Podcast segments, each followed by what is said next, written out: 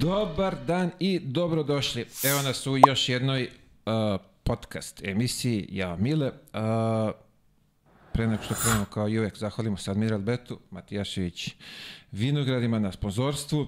Tu je to naravno i Burgerica, braća koje nas hrane posle emisije, pošto uvek izgladnimo. Uh, danas imam izuzetnu čast i zadovoljstvo da ugostim profesora Vladimira Koprivicu. Profesore, Dobar dan. dobro, dobro Dobar došli, dan. dobro, Dobro došli u, u ovu našu zanimljivu, ajde kažemo, košarkašku emisicu. Da. Hvala, hvala za poziv. Hvala vama na izvojenom vremenu. Kako, kako vi provodite ove, ajde kažemo, tople zimske dane? Pa ne vodim mnogo računa o, o temperaturi, radim kao i uvek. E, Angažovan sam na fakultetu za sport. E, Osnovali smo nedavno e, Savet za sport pri Ministarstvu sporta, pa tu imamo nekih obaveza jer hoćemo malo da uredimo neke stvari u sportu koje nisu uređene. E, Radim na jednoj knjizi velikoj teorija sporta sa jedno 40 autora, to će uskoro biti gotovo. Imam neki projekata na primjer, jedan od njih je u Rumi testiranje sve dece, preko 3000 dece će biti testiran, već medicinski deo završen, uskoro treba taj motorički deo i da vidimo kakav je uvid u to. Borimo se za pet časova fizičkog vaspitanja, bilo je nekoliko sastanaka i, i u Skupštini i e, bilo je sa prosvetnim savetom s obzirom na stanje dece e, u državi u ovom trenutku, to je jedan od primarnih zadataka ove države, ne, ne naš. I čitao još niz nekih stvari, e, igram se, pošto su ovo neka vrsta i penzionerskih dana i verovatno je najlepša ta e, prva penzionerska mladost. Kada čovjek još može puno toga, ima energiju i želju, a i zdravlje e, solidno kad je onda je moguće baš uživati uz rad, a stići i ostale stvari, druženja i, i porodice i sve ostalo što čoveku čini zadovoljstvo. Divno, divno, drago mi je što imate i energiju i, i što, opet, kažem, pre emisije smo pričali pokretanje nečeg stvaranja, nečeg novog, tako da to je i osnov, ajde kažemo, čoveka, stvaranje nečeg novog. Pa jeste, čovjek je biće stvaranja, to je tačno i ne samo da on stvara, nego onda mi kroz sve to što radimo, mi i sebe stvaramo. I koliko god da imam godina i ja još uvek moram da radim na sebi, jer, jer to osjećam zadovoljstvo ako u nečemu napredujem. I, ali mora mnogo da se radi da bi čovjek i zadržao prethodni nivo, jer e, s obzirom na godine mnoge, e, mnogo toga odumire, ali treba stvarati nešto novo. U toj borbi novog i starog treba istrajati dok se može. Apsolutno, slažemo se. Uh, odakle, ajde kažemo odakle, ideja tih pet časova za, za fizičko u škole? Jer ja znam kad dok sam ja bio, mi smo se radovali tom fizičkom, mi smo, ono, ne bi išli na nastavu, išli bi na fizičko, a danas rekli bi da nije baš... Nije, nije to e, nova ideja. Recimo, to su meni predavali još moji profesori, oni posleratni profesori, ali tada je- su se deca igrala, tada su deca imala raznovrsne aktivnosti. A onda je došla e, ta moja generacija koja se dovoljno kretala. Međutim, e, ljudski rod u posljednjih e, 50 godina više je nazad u motoričkom smislu, u smislu kretanja, nego čak rekao bih milenijume unazad jer evo generacije koje nisu e, koje su radile puno m, međuratne i one prva poratna i ratne generacije, to su generacije koje su puno radile, puno se kretale. Posljednjih 50 godina je sunovrat ljudskog roda u, u civilizovanom svetu. I koliko god se govori da se ljudski vek e, produžava, tek će doći ove generacije koje nezdravo žive, malo se kreću, a to je jedan od osnovnih uzroka bolesti. Tako nam govori i medicina i ovo sve što smo mi govorili iz naše struke je jedna stvar, a onda medicina nam je rekla da 60% bolesti je uslovljeno nekretanjem, na primjer dijabetes tipa B kod dece je uslovljen isključivo nekretanjem. Tako kažu medicinari. I dete koje ima mali stomačić, ono već 9% ima šanse da bude dijabetičar. Prema tome, stanje je veoma, veoma kritično i kad se izvrše merenja ove omladine, a verovatno će morati, mi sad smo se dogovorili za neke pilot projekte, vidjet će se koliko smo ugroženi. I, I sad imamo tri nivoa. E, jedan nivo je fizička aktivnost. To je svaka vrsta aktivnosti kao čovjek pešač ili juri za autobusom ili čak kad se drži u autobusu. I to je neka aktivnost. On je aktivniji nego onaj koji sedi u kolima. To, to su Japanci čak u jednom istraživanju pokazali da su i spremniji koji se vode gradskim saobraćajem. Kod nas bi rezultati bili bolji, verovatno. Razlike već. Ali e, drugi nivo je, znači, te fizičke aktivnosti, to u sve spada. Deo te fizičke aktivnosti je fizičko vežbanje. E tu je potreban e, stručnjak koji e, vodi to fizičko vežbanje u željenom pravcu da se telo razvija e, i da se razvije sposobnosti u tom telu u mhm, željenom mhm, mhm. pravcu. A onda treći nivo, to je nivo treninga, gde nekoga kao što su i tebe trenirali sa ciljem da postigneš kos, da, da skočiš, da si moćan i tako dalje, to je posao za izabran. Prema tome treba razmišljati u ta tri nivoa. E, treći nivo izrazito zavisi od ova prethodna dva.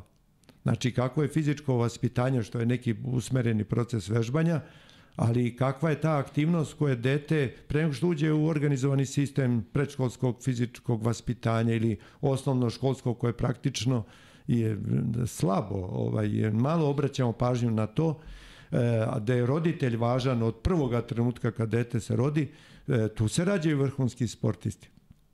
Svi vi koji ste bili vrhunski sportisti, svi ste vi bili mali đavolčići u, u detinstvu, niste nikada silazili normalno ni stepenice, nego ste skakali u krevet nikad normalno, nego preko one najteže stranice, majka Preka, viče na vas, e, onda nijedna bara se ne obilazi, nego se preskače jarak, se preskače, rizikuje se i tako dalje, ali to je, to je dete samo radilo. E, nažalost, e, ta detinstva su sve ređa sa tim kretanjem koje je nekada bilo normalno. Ja navodim čak jedan primjer iz sobstvene prakse, da tako kažem. Kad sam bio u petom razredu, mi smo svi u razredu, svi do jednoga, išli leteći kolut preko konja.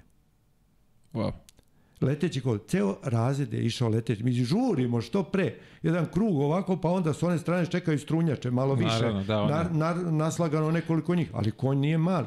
I treba leteti preko njega u kolut. Ja ne znam, E, koliko bi sportista danas smelo, kad isključimo gimnastičare, rukometaše koji padaju i neke druge, koliko bi njih smelo to da uradi. Ali mi smo, to je bilo za nas normalno. Pa zašto? Pa zato što smo punili snegom neki jarak i nešto pa skakali salta i tako da je peli se po drveći. To su ta bogata detinstva, motorička i to je osnov za neki kasni život i, i duži e, vek, a osnovi za sport. Ovo sad što ste spomenuli, to testiranje u Rumi, je li to je, je li u planu da to ide na, na, na celu zemlju, da se to sprovede mm. nekako? Kako, ne, se... to su entuzijasti iz Rume, tamo neki Dejan Lovčanin je započeo to, e, čelnici Rume su imali e, razumevanja za to, finansiraju taj projekat. E, ozbiljno, se, ozbiljno se to radi i tu su lekari i oni imaju inače čitav niz aktivnosti za decu, ali uvek se negde rodi neka ideja i kad ta ideja se malo razradi, to je poziv i drugima da, da to čine. Ali verovatno će država morati ozbiljno da se pozabavi ovim problemom. Jer nema država većih problema od dece.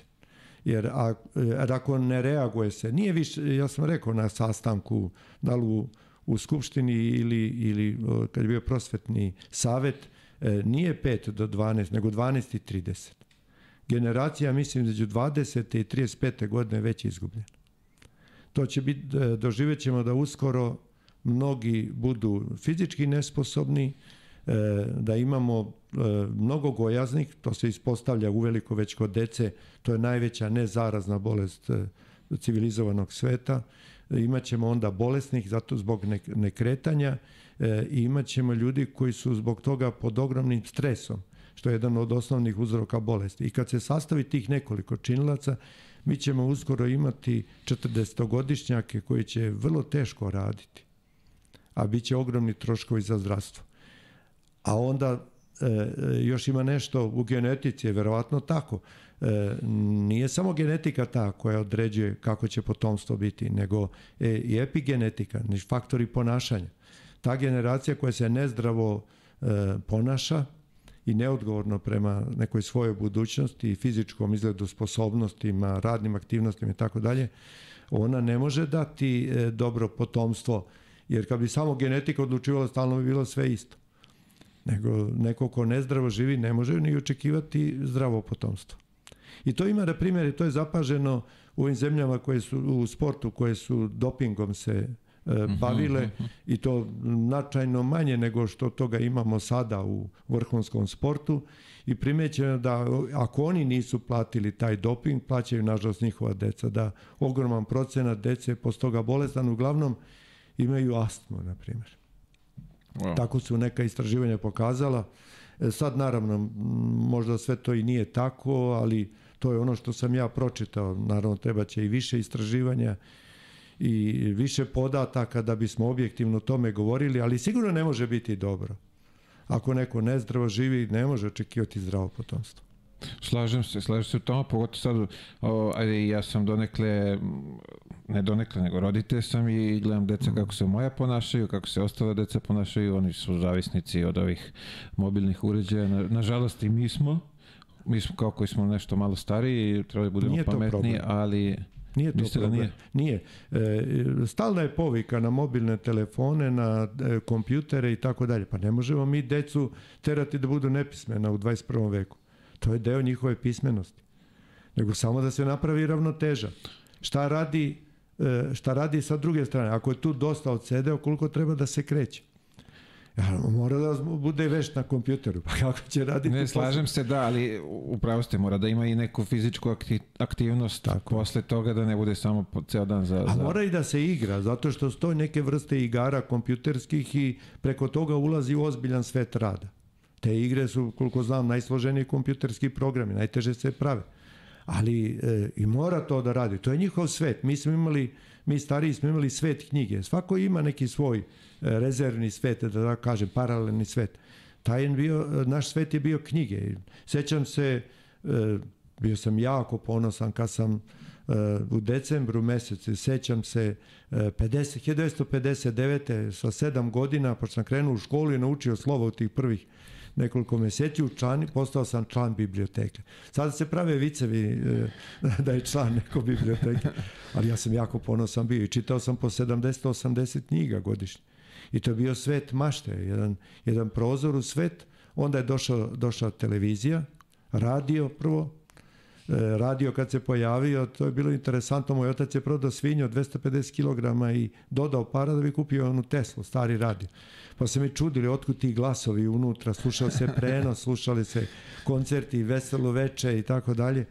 E, pa je onda došla televizija, koja nas je vezala i fascinirala slikom i kretanjem, gde se bili malo je bilo programa, okupljali smo se tamo kod komšija gde je bio televizor, komentarisali, stariji su bili zadivljeni, kad nisu mogli da objasne nešto na televiziji, o čemu se radi, oni su govorili da je to neka struja. Se sve objašnjavalo kako neko može nešto da izvede da je to struja. E, onda je došao onda je došlo, došli su ovi kompjuteri, a interesantno tako su se i menjale generacije. Ja sam dugo u nastavnom procesu, pa u početku ste morali da studentima budete, budete, da studenti budete jako dobro pripremljeni, da citirate, jer oni čitaju, e, čitaju ozbiljno i, i, i autore i tako dalje. Pa je onda, kad je došla televizija u nekom većem stepenu, onda e, ste morali da budete zanimljivi, da, da student ne bi promenio program ili đak. A, a sada morate u nekom predavanju da otvorite čitav niz fajlova i da na kraju kažete im e, prosto da je prevarite, da budete zanimljivi, da kažete e, šta je njima zajedničko i šta tu važno znati da bi čovjek mogao bolje da funkcioniše. E, neće se promeniti generacije. Uzaludo mi to e, menjamo, nego mi mislimo, nego mi moramo da se njima prilagođavamo. Znači, nek ostanu kompjuter, nek ostanu mobilni. Samo je pitanje učiti ih na pravi način. Ja starijima objašnjavam da je ovaj internet, pošto ne znaju, starijima, ja spadam u tu generaciju, ali onim koji to ne razume, ja kažem, to je autoput uh, kojim se najbrže stiže do nečega, neke informacije. Ali usput su uh, zavodljivi programi, ovde je dobra hrana, ovde je nešto zanimljivo, ovde je nešto što niste nikad videli ovde i tako da, dalje. Da, da. I čovjek onda skrene s autoputa pa na manji put pa na kraju na neke kozije staze. E, to je opasan put. A, sad kad ste spomenuli radio, koliko je, koliko je to zapravo vama u odrastanju pomoglo da, da vi zamišljate to, da maštate to što čujete iz radija? Da, e, e, ključ je deci e, maštati sa decom. Jer stvaralaštvo se rađa iz mašte. E, video sam kako je Dali napravio onaj sat koji jedna polovina je na stolu, a druga ovako. Znači stali, sat je u, u, u dve ravni. Mogu bi ja 500 godina da živim, nikad ne bi palo na pamet da napravim takav sat. Ali e, to je e, proizvod mašte i sa decom treba maštati u priči. E, bajke su nezamenljive zato što on je jedan svet e, otkriva i čudesan. Naravno ima i tih surovih evropskih bajki koje tam Ivica i Marica, one su uvijek preteće nekako i veštica jede i ovaj i crvenkapa i onaj i ona što seče stopalo da bi princ uzeo njenu cipelicu tako, i tako da da bi mislio da je njegova cipelica. Međutim, ima drugi bajki drugih naroda sveta koje su fantastične i, i vrlo zanimljive, nego mi smo malo ograničeni na te naše strašne, na, na crvenkape i ostale bajke. A, ima jedna divna knjiga značenje bajke, treba je pročitati, a, ali deca e, iz te mašte, deca, e, e, deca postaju stvaraoci. Ali tako je i u sportu. Mi ako deci ne dozvolimo da se igraju, i da proba sve u kretanju, različito. I da, I da proba i sa loptom ili bez lopte u nekom drugom sportu, nije samo loptaški sportovi, mi smo njima ovaj, skloni ti i ja, ali e, da, da vidi, da proba i tako dalje, e, ono će bolje videti i odbaciti ono što ne uspeva, što uspeva i tako dalje i mora da bude maštovit. Jer sve što je stvoreno na terenu, nisu stvorili treneri u, u pogledu tehnike, to su najčešće igrači izmislili sami. Neko, neki, Da, to da, obične da. stvari, te bek neko, neko se je setio prvi pa je skočio nazad. Da, neko je da, gurnuo loptu iza leđa, ono sve što radimo danas i tako dalje. Sve je to proizvod nečije, nečije mašte. Apsolutno, pa e, evo sad vodimo se i ja dok sam bio, aj kažemo, klinac, pa sam razmišljao, zamišljao sebe kako da imam neke poene, to je isto neki vid mašte, pa onda posle kako si ti to zamislio, pokušaš da sprovedeš, da vidiš da li je to moguće. Jeste, jeste, Tako da to je sad- učenje, učenje predstavom, takozvano. Znači nešto zamisliš, pa onda pokušaš to da izvedeš. A još ako vidiš kako to neko ko to izvodi odlično radi, onda ga imitiraš. I zato ono Dražen Petrović kad je probacivao kroz noge, mi smo videli e, u jednom periodu baš kako sva deca ovaj, u onim prolazima i tako dalje sa loptom probaju to da imitiraju. Ili Monika Seleš kad uzela pa sa dve ruke onda vidite na ulici u prolazima i tamo gde u zid udaraju ovaj, i isto drže neke rekete isprovizovane ili prave, drže i probaju sa dve ruke. Svi, e, to je ono što je poziv, svi sledimo te velike šampione. Da, da, da, da. Ali tu deca, deca imaju fantastičnu maštu i kad e, se igrate sa njima, oni će da izmisle, ne, pitajte ih, ako je neka hvatalica, kako sad? Kako bi mogli sad drugačije? Deca, deca imaju fantastičnu maštu. A, negde sam naišao na, na podatak da ja mislim do o, pete godine da su tad naj, ajde kažemo, produktivniji u toj mašti. Ja sam malo protiv svih tih e, ograničenja gde se da, ne, daju neke godine. Recimo, do, ajde da kažemo do pete. Ne poznajem taj problem. Ali gde god e, važi nešto za sve ljude, isto, i da je neka godina ili nešto važi za sve, tu je greška. Svi smo različiti. I neko je to malo kasni, neko malo žuri, e, neko će naučiti brže slova, neko kasnije. Pa i Einsteinu je onaj rekao, kad mu je dao diplomu u 22. godini u Švajcarskoj, mislim da je tamo bio, i rekao je, gospodine Einstein, diplomirali ste, ali od vas nikad ništa neće biti. I ušao je u istoriju. Dobro, bilo je, ja mislim, Kao- više kao- takvih pa ovaj, je primjera, više, da, da, nije, da nije to jedini primjer. Nije, nije, ali čak ni u 22. godini nisu pročitali da će neko biti, biti genije. Ne znamo mi to. Nekad se probudi iznenadni neki problem i neko rešenje i nije to sve jasno da je to do pete, do 13. do Jasno, 18. da. i tako dalje. Kad spominjate sad i, i idole i tu decu, koliko koliko mi sad imamo tih i- idola, koliko su oni bitni za, za ovu, ajde kažemo, generaciju tehnologije dece ko, da, da, da se ugledaju na nekog. Mislim, aj, pre, ovde pričamo o sportu sad. Na, E. Da, ali i sportu i van sporta. e, Nema uspeha bez mentora. Zvaničnog mentora ili nezvaničnog mentora. Znači, zvanični mentor je neko ko je nastavnik, neki e, idealan trener i ko- koga neko sluša slepo, ide njegovim putem. A nezvanični su naši idoli. Mi imamo nekoga ko je nama pred očima, koga pokušavamo da imitiramo, da dosti, doseg, dosegnemo. e, najbolji sportista, najuspešniji sportista e, sveta, najdominantniji je naš čovek iz kuglanja, niko i ne zna, to je Vilmoš Zavarko koji je oko 50 puta svetski prvak bio. I onda 50 puta, on je apsolutno dominant, on ima razliku kao Đoković što je imao one rekordne godine, on je dominira svetskim kuglanjem neverovatno nikoga ovde ne poznaje sem To ja kuglaša. sad iskreno Niko ne poznaje, vrlo malo. čoveka, da. Da, ali on je najdominantniji sportista sveta u ovom trenutku i sad on je na jednom skupu rekao da se divi Dragašu Kuglašu koji je bio fantastičan, tri put je bio prvak sveta. E sad neko ko je 50 puta prvak sveta, još uvek je ovaj veliki u njegovim očima. Znači, svi mi imamo nekoga kome se divimo i čak kad ga prestignemo, on uvek ostaje u našim očima taj idol.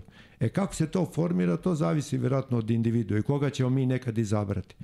A nekada nam to i život dodeli. I tu treba imati sreće, imati dobrog trenera, imati dobar uzor u porodici, e, dete koji ima dobar uzor u roditelju, u stricu, u, u komšiluku, koji ima dobar Jasno. uzor u, škol, ovaj uzor u školi, e, koji je dobar uzor u sportu. Zato je dobro u sportu kombinacija da u timu e, ne budu sve mladi, da bude neko od onih starijih koji postavlja kriterijume e, ponašanja, odnosa, svega ostalog što mlad, talentovan mora rano da savlada da bi bio veliki. Pa nije slučajno recimo Ronaldinho kad je Messi ušao u prvi tim Barcelone, rekao ti mali, pošto e, s jedne strane gde je Ronaldinho sede asovi, a sa druge strane svi oni koji kucaju na prvi tim ili su tamo manje bitni. A kad je došao Messi, rekao ti mali, tvoje mesto je ovde pored mene. On je odmah, odmah ga prebaci. Jer majstor prepoznaje Da, da. vele majstor da. prepoznaje vele majstora. I, I to je to, ta vrsta mentorstva koja je nama potrebna. I e, mislim da bi u školi oni najtalentovaniji, u, na fakultetima, u sportu, morali da imaju e, mentore, morali da imaju neke uzore koje moraju da je prate, koji bili za njih zaduženi. E, jednostavno nekoga treba izvesti na put i onda posle kaže Marquez dajte detetu krila, ali nemojte ga učiti da leti. Ako je talentovan, on će leteti sjajno, ali treba mu dati krila. Sam će se gledati. Sam će da. Sam će se Kad smo već ovde do, do kažemo, tih uzora, kako je vaše, da kažem, detinstvo, odrastanje bilo? Koji su vaši uzori bili?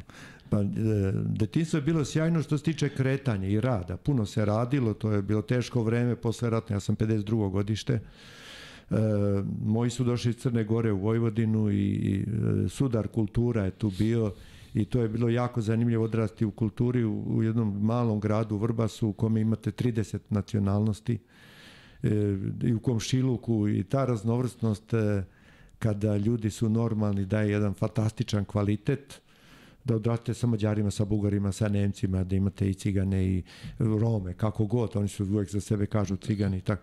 To je, e, to je bilo fantastično detinjstvo i nekako se e, ta kultura preplitala e, i u nama i obogaćivala nas i jezici i sve ostalo.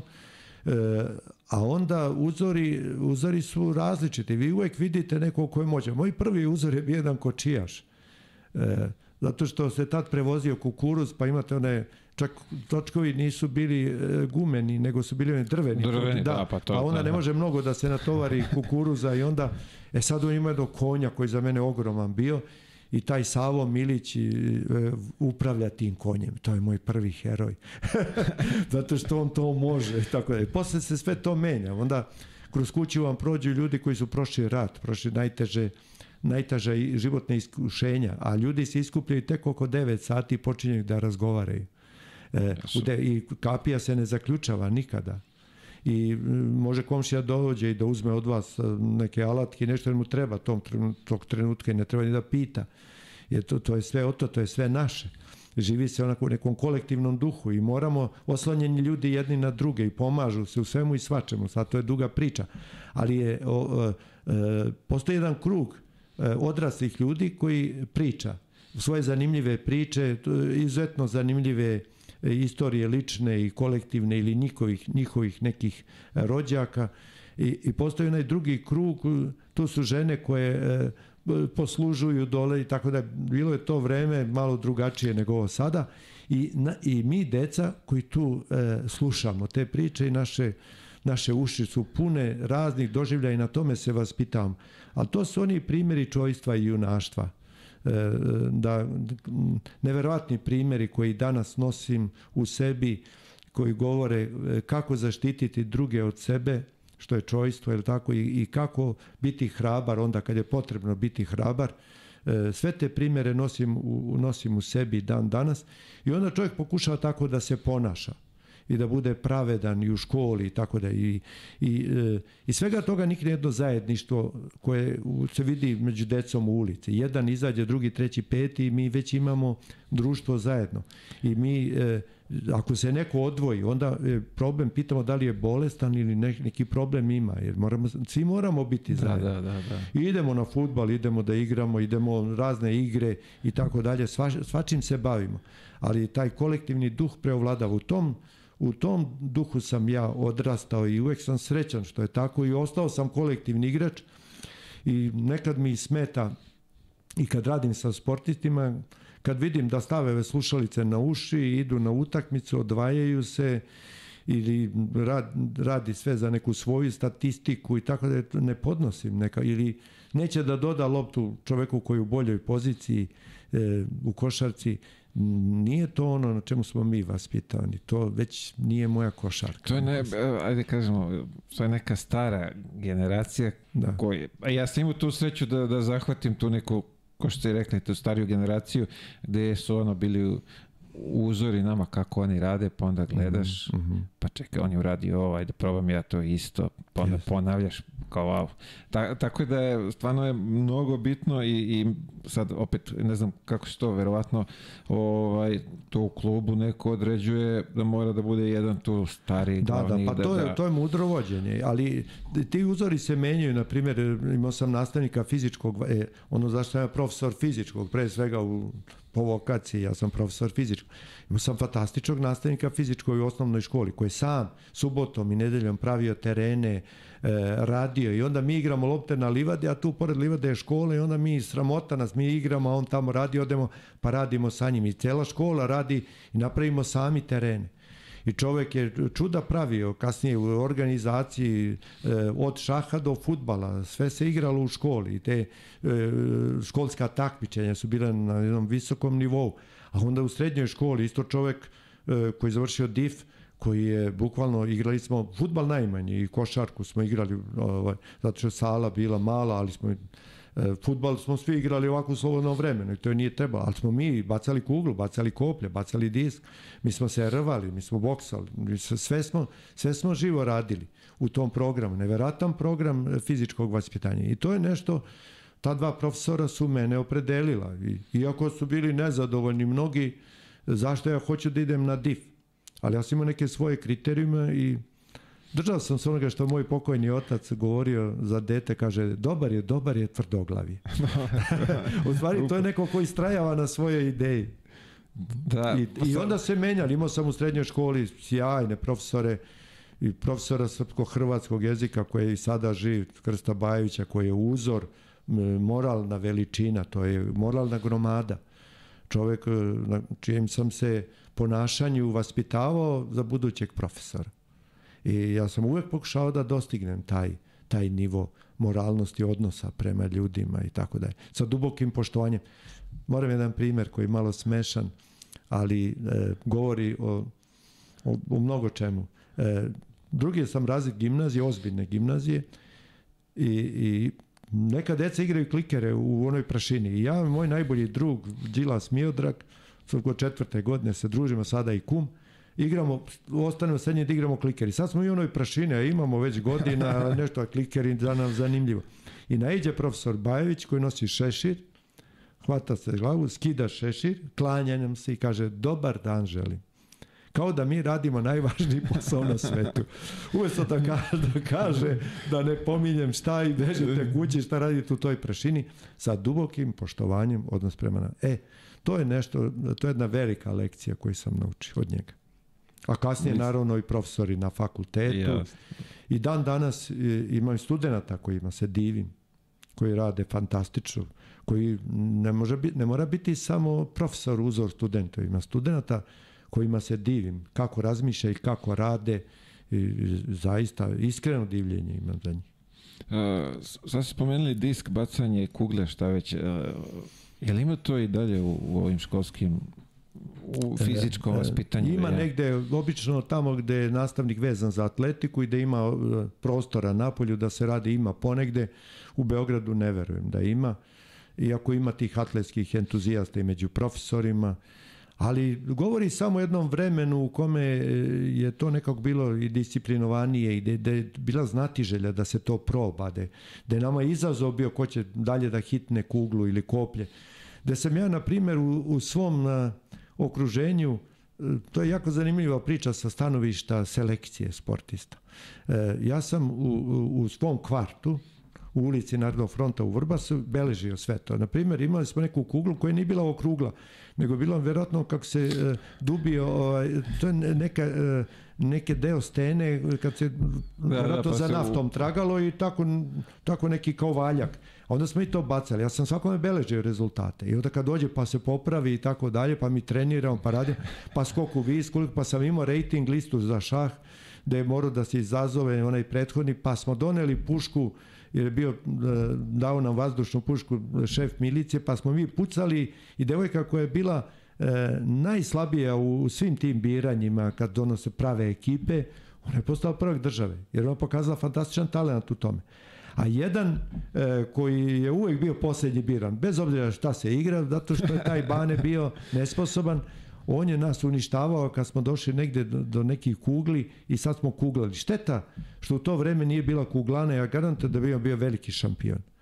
A to samo govori da deci treba dati šan. Mnogi su otišli pa igrali futbal, pa tako dalje. Tu je niko jedan olimpijski pobednik. Jovica Elezović je moj komšija.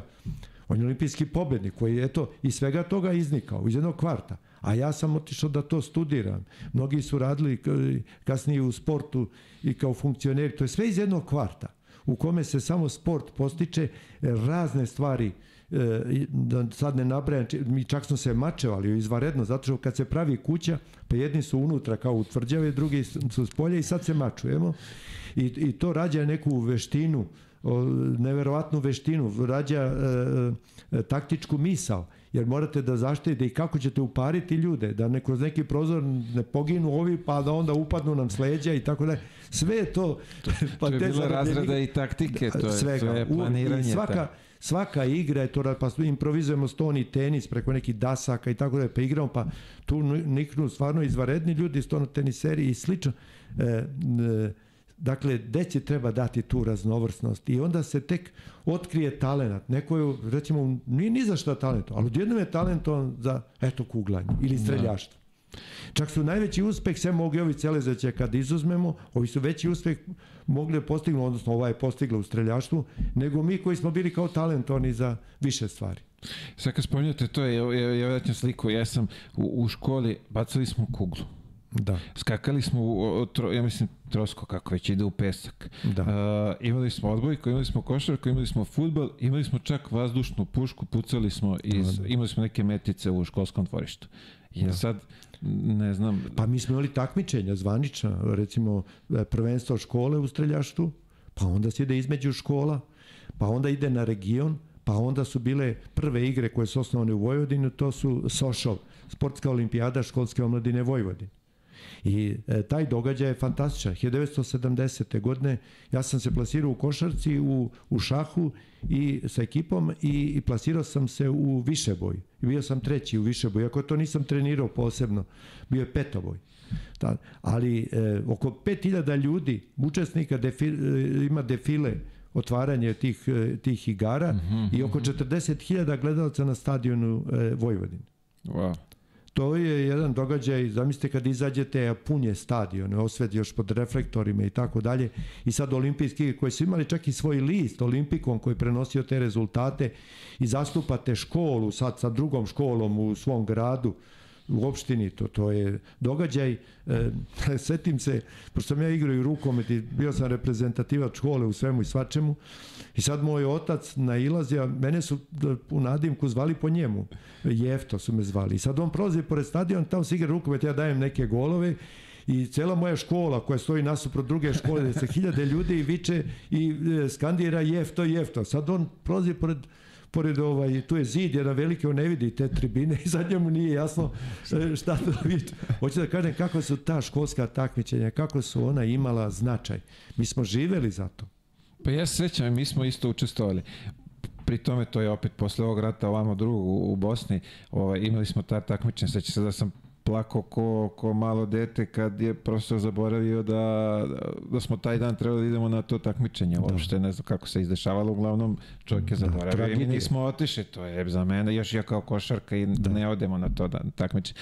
Ali ja ne znam sad, je li ima takmičenje ima, po školama? Ima, sad je to drugačije organizovano. Veli, e, takođe sam ja u jednoj grupi koja već dve godine radi na tom sad školskom sportu i imamo ideje kako da se to unapredi ali velika je borba da vratimo ono što smo imali. Na primjer, te e, Osišos je bio u Srbiji, pa su bile e, igre u Crnoj Gori, Makedoniji, u svim, -hmm. u Hrvatskoj, mhm. Bosni, Sloveniji. I veliki broj vrhunskih sportista izašao iz tog sistema. E, tako da e, one te igre imaju svoj značaj, ne samo taj sportski, nego imaju značaj za razvoj, kompletno za e, za nešto što je rano vežbanje, ja volim da kažem, pošto svako vežbanje e, luči hormone sreće. I mi kad vežbamo, mi dopingujemo decu. Kako i dopinguje? Zato što vežba ima hormone sreće. Pa, pa opet vežba, vežba, pa kad ne vežba, e, organizam traži sledeću dozu dopinga, odnosno kretanja. Da, da, da, da. I, I onda stvaranje ranih navika I zato je fizičko vaspitanje u predškolskom i mlađem školskom uzrastu i u, do osmog razreda mnogo značajnije nego u srednjim školama. U srednjim školama treba dođe već gotovo opremljen, e, e, e, odnosno već zavistan od vežbanja, da blago kažem, da, da traži sporciju sreće i, i da vežba. Ali mi moramo decu razvijati ranije. Moramo i zbog toga što su osetljivi periodi za razvoj sposobnosti, bukvalno motorika se u najvećem stepenu formira do dva, oko 12. godine. Kod devojčica nešto ranije, kod muškara tak 12, 13, od devojčica 11, 12. I većina fizičkih sposobnosti se do tada formira. I, i, a, a mi imamo najmanji stručni kadar radi tamo gde je najpotrebniji. I jednom sam u jednom intervju, mislim da je bio u politici, rekao da će nam se smijati generacije za jedno 30-50 godina, reće, ovi su sve istražili, sve su znali, ali nisu primenili. Pa e, sad se stvari menjaju u svetu. Mađarska je uvela svakodnevno vežbanje, mislim da u Španija, počinja Austrija, Slovenija i ne znam nija. Neke zemlje idu za tim da jednostavno najvažniji akcenat na vežbanje dece bude onda kad su deca. Čim porastu, kasnije treba da dođu već sa navikama a mi hoćemo da razvijamo kasnije kod ljudi već kad mnoge stvari su prošle i ne mogu da se nadoknade. Neke fizičke sposobnosti kad im prođe taj zlatni period razvoja, one više ne mogu da se nadoknade. Koliko god radili posle toga. I to mi znamo, mi to nazivamo senzitivnim ili senzibilnim periodima u razvoju motorike. Ja sam o tome održao čitav niz predavanja. Jednostavno da probudim svest o potrebi da se deca kreću, da deca da se kreću, da vežbaju i da treniraju. Je tako ono, priča da, sa da, da. početka? Da. A, a, sad, da li možemo s tim, sa tim novim, ako dođe do toga, tim pravilom od 5 časova da se postigne to sve? Može delimično. Evo zašto? Zato što je to ipak e, samo jedan čas dnevno a dete bi trebalo, e, trebalo da se kreće mnogo više. Mislim da je nedavno Dali Rajević, e, Rajević je rekao da dete mora 15 km prirodno da pređe. Tako je od 15 do 20. Tako da, nešto, da, da, pa da, da, trebalo bi to proučiti, ali e, nije samo profesor fizičkog zadužen za to, nego tu su i roditelji i sve, ceo njegov način života, komu organizuje način života, on je, organ, on je odgovoran za to dete, koliko se to dete kreće. Apsolutno. Da, tako, tako da tu je roditelj, majka je prvi vaspitač. I majka je ta koja usmerava, usmerava decu. E, ogroman broj vrhunskih sportista e, je to što jeste zahvaljujući majice, a ne roditeljima. Roditelj u muškarcu, odnosno otac je uvek negde zauzet, ide, radi poslove izvan kuće, a majka je ta koja najviše brine o vaspitanju i majka je ta koja usmerava e, čak jedno istraživanje NBA je pokazalo da 69% tih NBA igrača E, zahvaljuje majici što su tamo gde jesu. Pa otprilike, ako, koliko sam ja upoznat, to je ili majka ili baba. Uglavnom to ispore ide. Jesu oni koji najviše i sa najviše emocija e, se bave decom. E, to, to, je, to je činjenica.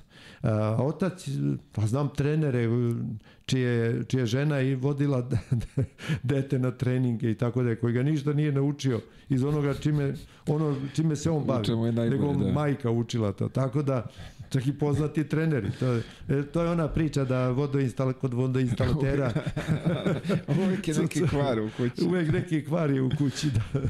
O, kad, kad vi, ka, u stvari, kako dolazi do odluke da vi upisujete DIF? E, I to je interesantno. E, ja sam imao kriterijume. Moji su bili bolesni ono iz rata, otac izranjavan i majka isto učestvovala u ratu.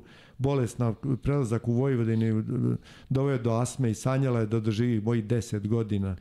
E, I bila težak bolesnik. Baba je sa nama živela e, 40 godina pre što će umreti već je paljena sveća kad je mlada bila i tako da i tako sam ja morao dosta toga da radim u kući i moja ideja je bila da se bavim sa rečim što su zdravi ljudi sa nekima koji su zdravi e, da imam e, s obzirom na energiju koju sam imao veliku e, da se krećem, da mi posao ne bude kancelarijski, nego da imam slobodu u kretanju i da radim sa mladim ljudima i tako dalje. I vraćajući se s jednog časa fizičkog, nismo ga imali u školi, nego smo ga u sali, nego smo igrali na livadi. I moj e, prijatelj iz razreda, danas lekar u penziji, Boža Mirković, meni kaže, zašto ti ne bi studirao DIF? Mislim da bi sad u dva, dva i po metra pogodio mesto gde je on to meni rekao. Tog trenutka meni se upalila svećica i da kaže, da, to odgovara svim mojim kriterijima.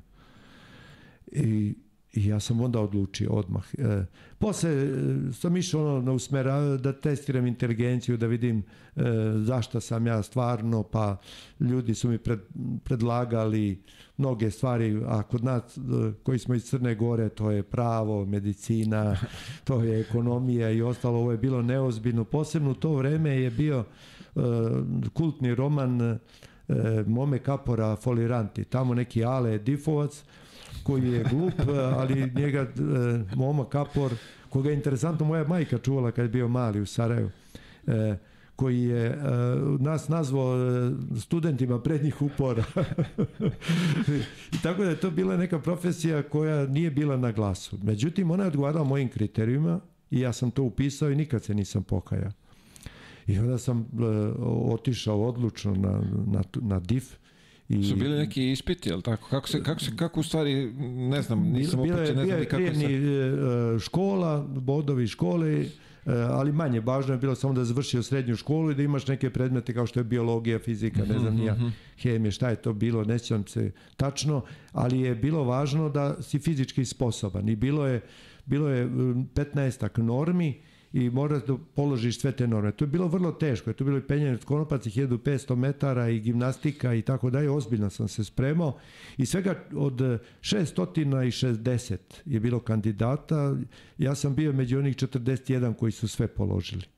E, I mi, e, mi smo primljeni odmah, primljeni su oni koji jednu normu nisu, onda do 150 bio je drugi upisni rok i tako je, tako je ta selekcija vrlo ozbiljna. U stvari e, dođu svi sposobni, ali dođu e, neozbiljni sposobni i ozbiljni sposobni. Oni ozbiljni se pripremali i oni prođu.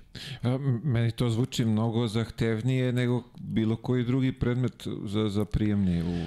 Pa zavisi. To je mnogo naravno. kategorija. Mnogo, mnogo je bilo A u i svemu dva moraš dana, da budeš... i dva dana je Dva dana prijem, dva testiranja. dana je prijemni ispit. A ima norma koja mora da se Ima postigne norma, da bi... ispituju mi osjećaj za ritam, e, muzika i morate da je pevate i da plivate i, i, i atletske discipline, bacate kuglu i skačete u, ovaj, da, da trčite 100 metara, 1500 metara i gimnastičke vežbe i, i hodanje po jednoj visokoj gredi koja je vrlo klimava se namesti da se ispita ravnoteža i, i da se prođe A. lekarski pregled i, i tako dalje, što e, baš detaljan lekarski pregled, to je bilo veoma, veoma ozbiljno. Međutim, kad sam se našao već tamo, to je za mene bio raj, to je bio jedan, eh, jedan trenutak kad sam ja oduševljeno počeo time da se bavim i, i uvek se rado sećam svoje generacije i studiranja i, i to je nešto što ću pamtiti do kraja života i svake godine se uh, organizujem ja sam taj bio organizator koji okuplja svoju generaciju svake godine se mi okupljamo imamo isti datum, isti termin i podsjetimo se onda svega toga, a ja pripremim uvek nešto iz te istorije naše, ili su fotografije ili izvad, izvađeni neki podaci ili nešto, neki nastavni plan i program ili tako uvek nešto nađemo. Pa s obzirom da ste od malih nogu zapisivali da. rezultate, Jeste. Pa vodio sam dnevnik sled... od 1966. godine pa nadalje vodio sam dnevnik. I kad je bilo 50 godina mature objavio sam svoj dnevnik na 340 strana e, gde sam onaj deo koji je bio vezan za gimnaziju objavio sam i onda paralelno sam pisao e, sve ono što se dešavalo u Srbiji, ovaj, u Jugoslaviji i u svetu tih godina. I to su jako, ali to su 67. 71. zanimljive godine, iskrcavanje na mesec, onda tu je Vijetnam, tu su e, demonstracije 68. i tako dalje. Početak raspada Jugoslavije po mnogim nekim kriterijima i, i sad imate neka svetska zbivanja, imate zbivanje Jugoslavije, imate jedan miran život u provinciji, um, opsednuto sportom, drugarstvom, vežbanjem i jednom teškom gimnazijom u, kome, u kojoj 48 učenika upisanih kao najbolji učeniki, učenici iz osnovnih škola nije došao do mature sa nam. Wow. 48 posto. Ko je to gimnazija u pitanju? Bila je gimnazija Žarko Sredjanin u Vrbasu. I jedan je u mom razredu bio odličan u poslednjoj godini i on je imao posle tri specializacije na medicini, nekog studenta, ima četiri doktora nauka uh, od 21 učenika i mnogi su bili studenti generacije i tako dalje, a dolazili smo Najveći moj uspeh u školovanju je što u toj gimnaziji nisam nikad bio na popravnom, niti sam ponavljao godinu. To je ubedljivo najneto što sam doktorirao. Bila je takva gimnazija i ti naši profesori i te zahtevi koji su bili su tako bili teški da smo mi posle svi bez ikakvih problema studirali. Da, to je dosta pripremni da. posle za, za da. ostatak života. Ali ko god se bavio sportom sa strane, više nego što onaj školski deo, ko je išao, e, imao, želeo da bude u futbalu ili da, želeo da bude u pozorištu ili da se bavi bilo sa čim drugim, on ima ogromnih problema u školi. Najčešće su gubili godinu.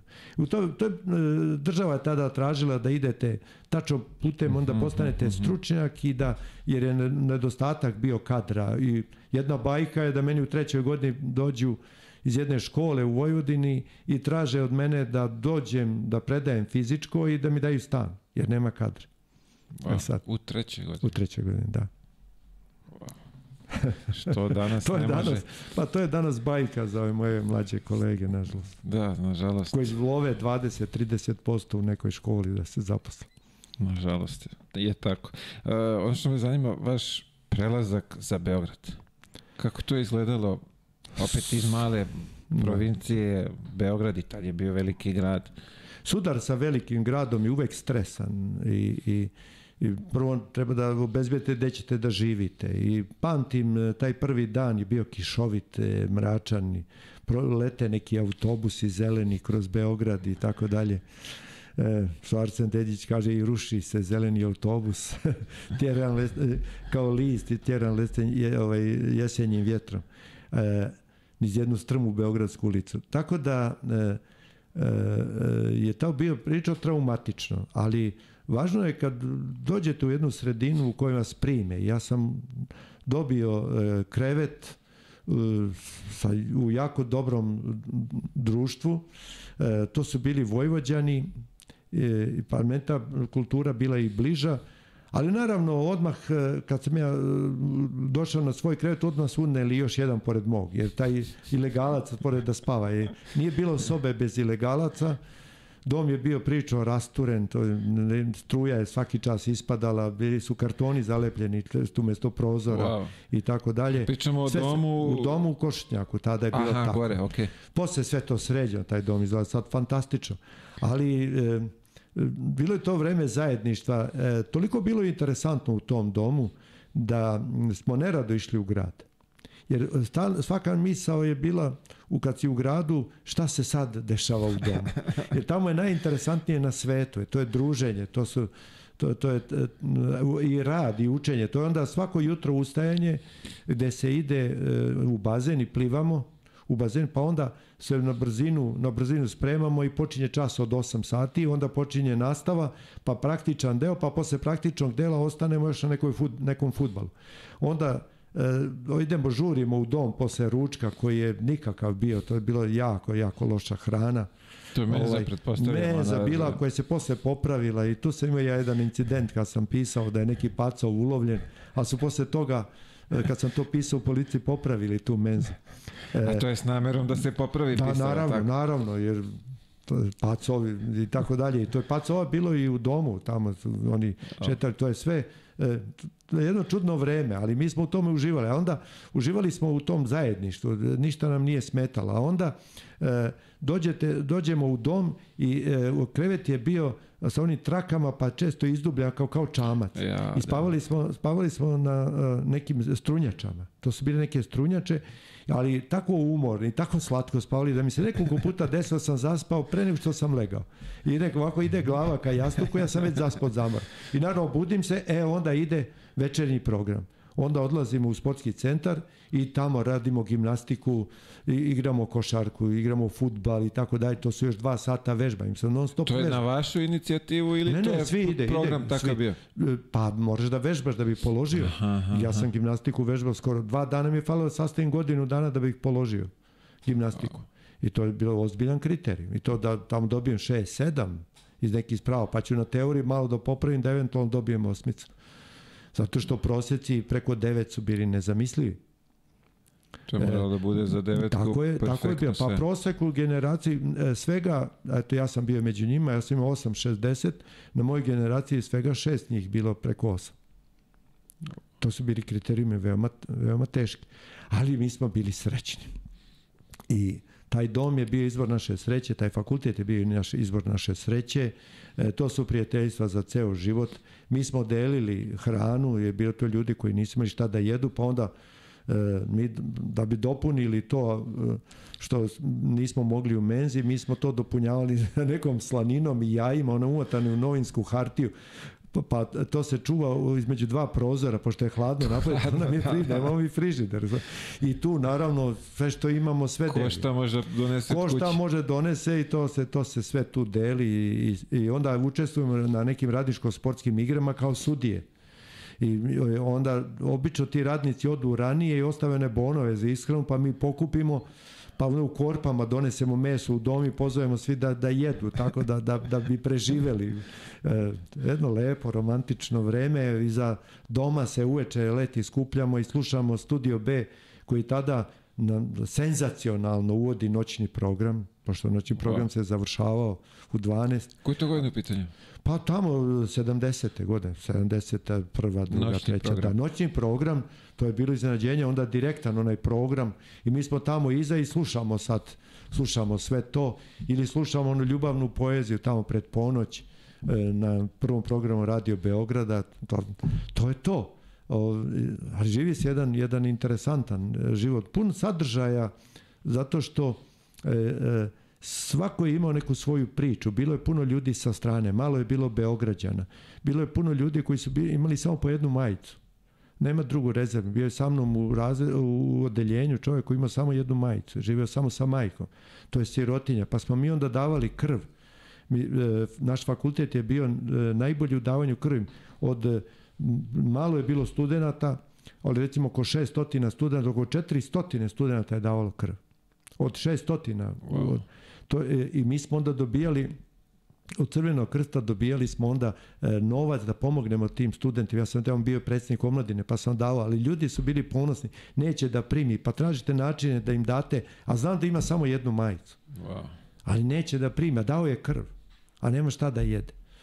Ali mi kada dajemo krv, to je to, kad, kada organizujemo, ne, idemo neko logoro, idemo na, neko, idemo na Triglav, se penjemo i tako dalje, sve to radimo kao jedan. E, to, to je ta lepota zajedništva koji, bojim se da ovi mladi, e, ne treba grditi omladinu, oni su takvi kako, kako ih ispisujemo. Svaki mlad čovjek je tabula raza, neispisana tabla, a e, to što mi pišemo po toj tabli, to su oni. Nisu oni takvi od sebe sami, nego to je ono kako društvo i mi koji ih vaspitavamo, kako to radimo. Oni su naš proizvod. Ne treba da krivimo nekoga drugog. To je sve, to je sve ono što mi radimo, smeravamo i, kako činimo, tako ćemo i, i, i žnjeti. Ali mladi će to u nekim segmentima platiti. Ali evo, ja stvarno svima mladima koji ovo slušaju preporučujem ne, najvažnije stvari imati druga na koga možete da se oslonite, zapitajte se koga imate to da možete u bilo koje doba dana i noći da ga pozovete i, i da ste sigurni da će vam pomoći. Kome možete da ostavite novac da vas neće prevariti, kome možete poveriti tajnu da nikad neće odati, koji će za vas zaleći u svakoj situaciji, koji, koji, koji vas neće nikada izdati. Ja sam imao veliki broj takvih, imam takvih drugara iz, tog, iz te mladosti svoje. Ako, ima, ako mladi ljudi imaju to, onda su to, to su bogati mladi ljudi. Ako imate ljubav koja isto te ima karakteristike kasnije kad ste u braku i tako da je, to je, to je velika pouka. I e, nije čudo što se danas mladi ljudi manje žene i udaju. Svi ti moji prijatelji, svi su oni u brakovima i svi oni imaju decu. Iz mog razda mislim da nema niko ispod dvoje dece. Pa, e, gledajući sad ovako, bar i mojih prijatelja i tu poznanika koje znam priče da kad smo već kod tog braka niko ne želi da, da trpi nema tu nekog da kažemo da hoće da istrpi za nekog nešto da bi to opstalo, da bi trajalo duže. Ne, svi traže neke svoje interese pa zato što je došla generacija mi. Za razliku od gen, ovaj, otišla generacija, to smo mi, ta generacija, mogu kažem generacija mi i generacija ja. Ja neću da trpim. Ma ne, ne trpiš samo ti i ti nešto deluješ na drugoga, nego mi. E, volim da kažem ovim mladim, pošto koliko vas se zabavlja, ne zabavlja se mnogo njih, nema i trajne veze. To je vežba za brak. I volim da ih pitam onda to. Ja kažem, strast, jedan najljepših misli o ljubavi je, koju ja često citiram, strast je trenutna podudarnost. Vide se dvoje i sasvim normalno da se dopadnu i tako dalje, ali ljubav, to je put ka istovetnosti. Znači, ako sam ja, ja samo, a ti si ti, onda tu ljubavi nema. Nego mi. I kad dođemo do mi, a to je onda put ka istovetnosti. Mi smo onda jedna celina. I e, ko nije spreman na to, on je neka vrsta emotivne kukavice. Znači, ta vrsta zaštite je neka vrsta samoubistva emotivna. Jasno, lepo ste to dočarali. Ove, ovaj, ne bi da kvarim.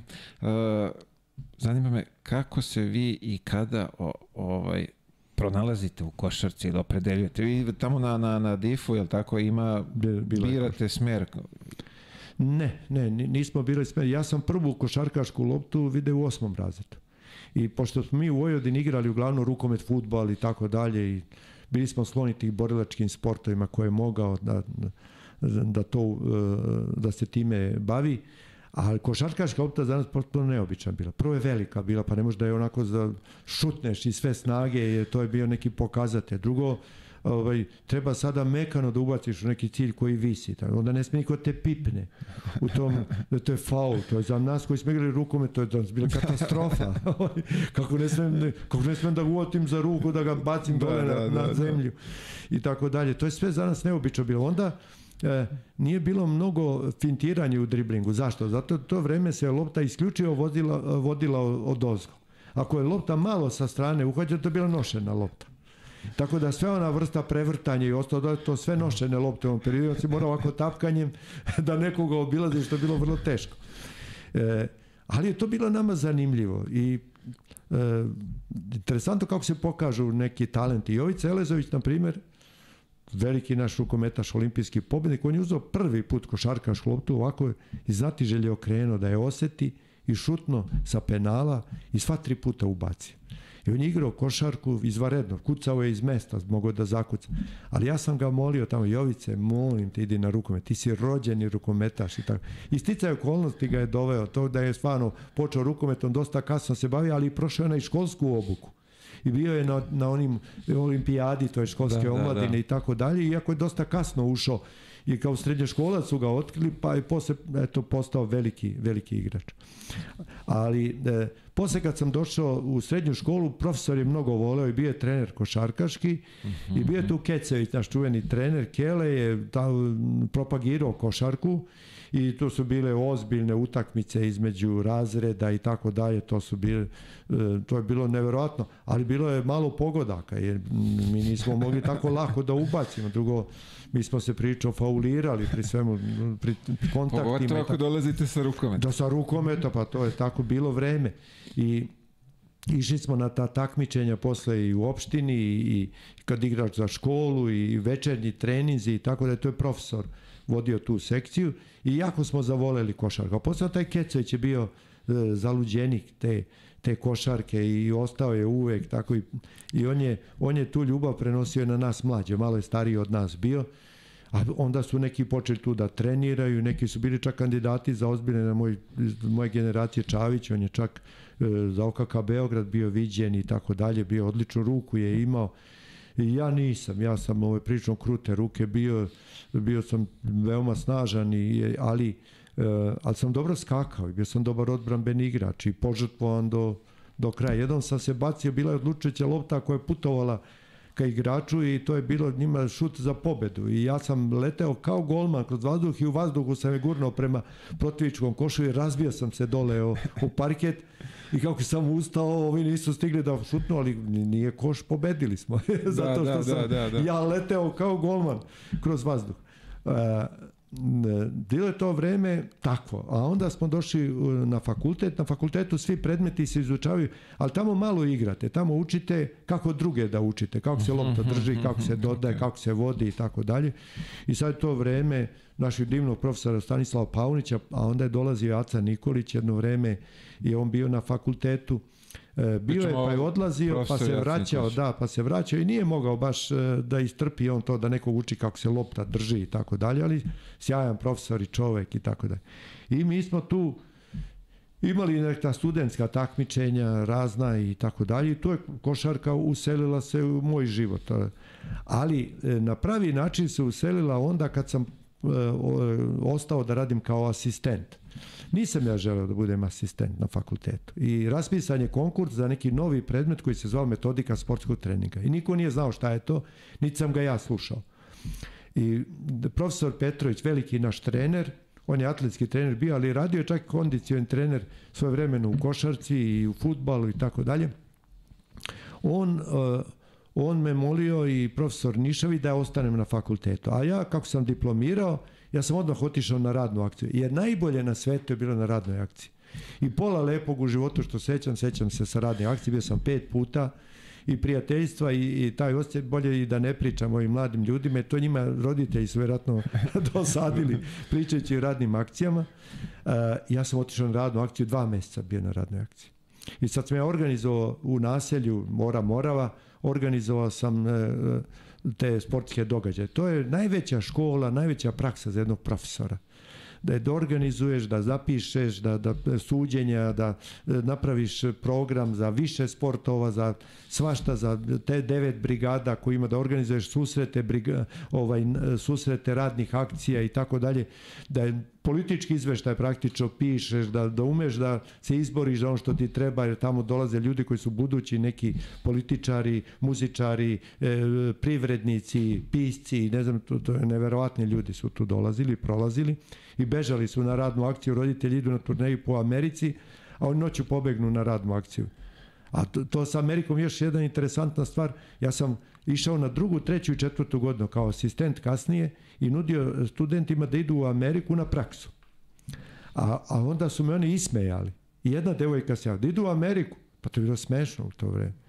Wow. I, jer, a tamo rade programe u kampovima, baš sportske programe. Ako si studiraš neki drugi fakultet, tamo možeš da ono budeš tehničko osoblje i da radiš neke druge stvari i zaradiš novac, tako neće niko da ide. A na radnu akciju, svakog subote i nedelje radne brigade organizuju čišćenje svoje okoline i neke, izmišljaju neke poslove. Zašto? Da neko ne bi se pojavio da imaju razloga da ga odbace, jer ide samo 50 dni. Wow. E, to je bilo to, to vreme e, koje je omladina praktično forcirala. Svi to pripisuju partiji, nije tačno, to je omladina forcirala. I sad, e, mene hoće na fakultetu a ja na radnoj akciji tri sata pred zaključenje konkursa ja se uključim, ja podnesem molbu za tada za mene raspisan konkurs, nije niko ni konkurisao, tada nije to, bile su manje plate nego na student kad ode u školu, manja je bila asistentska plata. Ali počinje na novi život koga sam ja bio svestan bez e, stana, bez e, nekih mogućnosti finansijski, da treba živjeti postanarski, treba pisati, treba raditi puno i tako dalje. I moj profesor Petrović, koji taj predmet osnovao, meni kaže, e, ideš u odbojku i ti ćeš u odbojci da radiš jer moraš imati praksu da bi moglo da da dobro predaješ ovo, da ti, ti ćeš to nekada predavati i tako dalje, da radiš kao asistent. Da bi došao posle nekoliko dana a trebao se idemo u odbojkaški klub Crvena zvezda, jer on je bio vezan za zvezdu. Uh -huh. I posle nekoliko dana on dođe kod mene i kaže, ne, ideš u košarku. U košarci rade najpametniji ljudi. Od njih će najviše naučiti. I ideš, ideš u, u, da radiš sa pionirima, e, sa protom, prota debeli kako ga mi zovemo, protić i u e, osnovnoj školi e, u, centru e, bili smo i ja sam tada radio i bio je tada Mirko, ne bio je tada ovaj Mirko Pavlović, bio je Cvetkovićev sin i tako da to je ta generacija, a Sija Nikolić je dolazio, bio je on neki supervizor ili pomoćnik, e, odnosno bio zadužen za te mlađe kategorije. I ja sam tada učio tu decu da trče, da ovo, da ono, ja sam se učio svom poslu i nisam imao od koga da učim sve to. A onda sam posle toga E, počeo da e, radim sa juniorima Zvezde, sa Đoletom Popovićem i bili smo e, prvaci Beograda Srbije i, i izgubili smo finale u Šibeniku, tad je, tad je Šibenka bila prvak države, ali tu je Mirko Milićević bio i još neki igrači koji su, a kasnije mnogi vezani za košarku na razne načine. Pa je onda dalje, dalje išlo sve to nekim napretkom, ali opet sam učio, ja sam se učio tom poslu i dođem kod kuće i razmišljam šta tu treba, kako treba, proučbu literaturu, nema ko da mi kaže. A nema ni literature nema, u tom Nema momentu. ni literatura, literatura to je vrlo malo smo literature. E, bilo je ovih starijih kolega koje tada nisam poznao, bio je Ratomir Vasović koji posle bio moj sada kum, on me venčao i moj ženu, on je bio kondicioni trener e, reprezentacije koje u Manili uzela zlato. A i e, kad su uzeli dva evropska prvenstva, on je bio kondiciju trener. Zatim divni Pera, pokojni Zimonjić, koji je radio u Zvezdi, on je bio i trener košarkaški. I to su ljudi od kojih se moglo čuti Radovanovića, profesora nisam ni poznavao, koji su počinjali sve to. Ali ja sam bukvalno tada isto bio na nekom početku i tad to nije imalo značaja kao što je sada imalo. Međutim, košarka ima tu sposobnost da upija ljude i oseti šta im treba i da te ljude za sebe pridobija na razne načine. I, i radeći posle toga u tom omladinskom timu i tako dalje, ja sam došao e, do prvog tima Partizana. I, e, prvi tim Partizana bio je Bora Đaković, trener, I to je onaj tim u kome, evo, kaže koliko imam godina, u kome je bio Miško Marić, Savović, Grbović, E, Zorkić, e, Cvetičanin, e, Arsenije Pešić, a sa nama i Dražen Petrović je trenirao. I ja se odjednom Dražen nađe, Petrović? Dražen Petrović je bio tad u vojsci i trenirao je sa nama. Aha, da, I dovozili su, su ga obližno. kolima, dovozili su ga e, pošto je tu bila neka varijanta pređe u Partizan, bilo je raznih varijanti Sarajevo i Šibenka i Cibona i tako da i Zvezda čak i, I tako da. je bilo ovaj Pa bilo, naravno, on je mudro čutao i jednostavno čekao da vidi gde će onda je ode, a, ali e, pamtim ga sa treninga i mi smo tada, e, tad sam ja ušao u taj prvi tim, e, kad je otišao Bora Đaković, onda se promenilo, posle toga došao, mislim, Slavnić kao trener i, i ja sam on je doveo svog kondicionog mm -hmm. trenera, ali to je bio moj sudar sa, to je, mislim, 1982. godina. Interesantno je, posle kad sam bio u Partizanu, one, kad smo osvojili onu titulu jedne godine i sad meni Vujanić kaže u onom tunelu profesore, ovo ono, kako sad debi, na, izlazim napolje ovaj, kroz onaj tunel i tako dalje. Ja kažem, Vujke, od svih vas ovde samo je Đura Ostojić imao dve godine kad sam ja bio na klubi Partizana. e, ali tad upoznam Čiviju, velikog trenera, ima 130 medalja i pojavio se nekoj, neka je bila utakmica i nešto i čovjek se šali sa mnom, iako me ne poznaje, ali on onako otvoreno se šali, ali šali se na svoj račun, šali se sa svima, jedan vedar, neobičan čovjek i naravno odmah se sprijateljimo i ja pređem u žensku košarku. E, a profesor me tad isto ovaj, podstakne i to je ženski e, tim Crvene zvezde u kojoj je bila Arbutina i još mnogi drugi. U stvari ona šampionska ekipa je otišla, Bacanovićka, ona je majka ove Nataše Kovačević, ona je tu ostala, Le, Lečićka koja je, njeni su, njeni su ovi rukometaši, Nenadići i, i tako dalje. Oni su ostali jedno kratko vreme i onda je ostala juniorska ekipa koja smo mi trebali tada da ostavimo u, u, u ligi. Čuti krene to stvarno dobro i ja tu radim i tako dalje i i ovaj, sa Čivio sam proveo puno godina, osvojili smo puno titula. Tu sam jako nemaran, ja i ne znam tačno koliko titula, pa se uvijek prisjetim da u, početku sam sa neki 15 operisao, pa mislim da sam na kraju izabrao neki, ovaj, došao neki 25 i tako da sam bio deo tima. Ali nisam baš prema tome ažuran, onako, kao što za druge stvari jesam ali sa Čivijom sam i u reprezentativnim selekcijama pravili smo sistem i tako dalje. Puno toga je bilo veoma, veoma uspešno. Svake godine bila neka, neka titula. I onda sam radio i sa mlađim kategorijama u Partizanu, pa je onda došao prvi tim prvi tim Partizana da se- i, i naravno ženske Aha. selekcije reprezentativne i, i muške Bilo je tu, da, a, koliko sam ja, vi ste bili Crna Gora, Bio sam i- u Crnoj Gori da. reprezentaciji, bio sam i u A re- našoj Tako je. reprezentaciji. a me se zanimao, A i u ženskoj A reprezentaciji. našoj. da, a, I odbojka A reprezentacije. muška. Da. A, ovo što me zanima, sad, kad ste krenuli sa, sa poslom kondicionog trenera, vi ste krenuli sa muškim selekcijama. Ja krenuo sam da sa pionirima tim Tako prvo, je. da. Znači, ženske ti vaši prvi, ženska, Pa posle sam prešao ta- sa prvim timom Crvene zvezde. tako, tako. E, sad me zanima taj početak vaš, vi ste novi u tom poslu, oni su mali, Da. kako ste vi njima prišli? Da, da Kako pa ste ih njima tre- kroz igru, kroz igru. E, ja sam na fakultetu predavao elementarne igre. To ono kao hvatalice razne i tako štafete i tako dalje. Ali onda i ta tehnika trčanje i sve ostalo. I ja sam onda izmišljao razne stvari. Tako da mnogi pamte, ovaj, i danas mi priđu neki koji sa mnom prošli neki pripremni period, da mi to nešto najlepše bilo. Obično mrze kondicionalnog trenera u pripremnom periodu. Ja nisam nikad davao na dugotrajna trčanja i tako da. Ja sam uvijek gledao da bude puno kretanja, da bude raznovrsno kretanje i sve to kroz neke igre. Znam da je Anđa Butina uvijek govorila ovaj, ma vlada nas uvijek prevari. Mi se smejemo, ah, ah, ah, ah, dođem posle treninga, ne mogu da, ne mogu stepenice da se popenjem. E, jer kad te nosi emocija, ti onda ne osjećaš mnogo zamora. I onda mora to kroz igru da bude. I ja sam deci davo i razne vežbe za stomak, leđa i tako dalje, pa malo trčanja, pa neke hvatalice, pa igre, pa, pa onda neki sklekovi neobični, pa neka kretanja četvoronoške, pa ovako, onako, neke trke, da oni zaborave da je to napor, nego ide Juri da pobedi i tako dalje, ali baš ono što se i predviđa za decu. E sad, e, za mene je jako interesantno što su mene uvek i svi e, gledali kao kondicionog trenera. U stvari, ja sam najmanje bio kondicioni trener, ja sam e, više bio teoretičar sportskog treninga koji je pokušao preko tih vežbi, preko metoda različitih opterećenja da to što teorija predviđa primenim u praksi.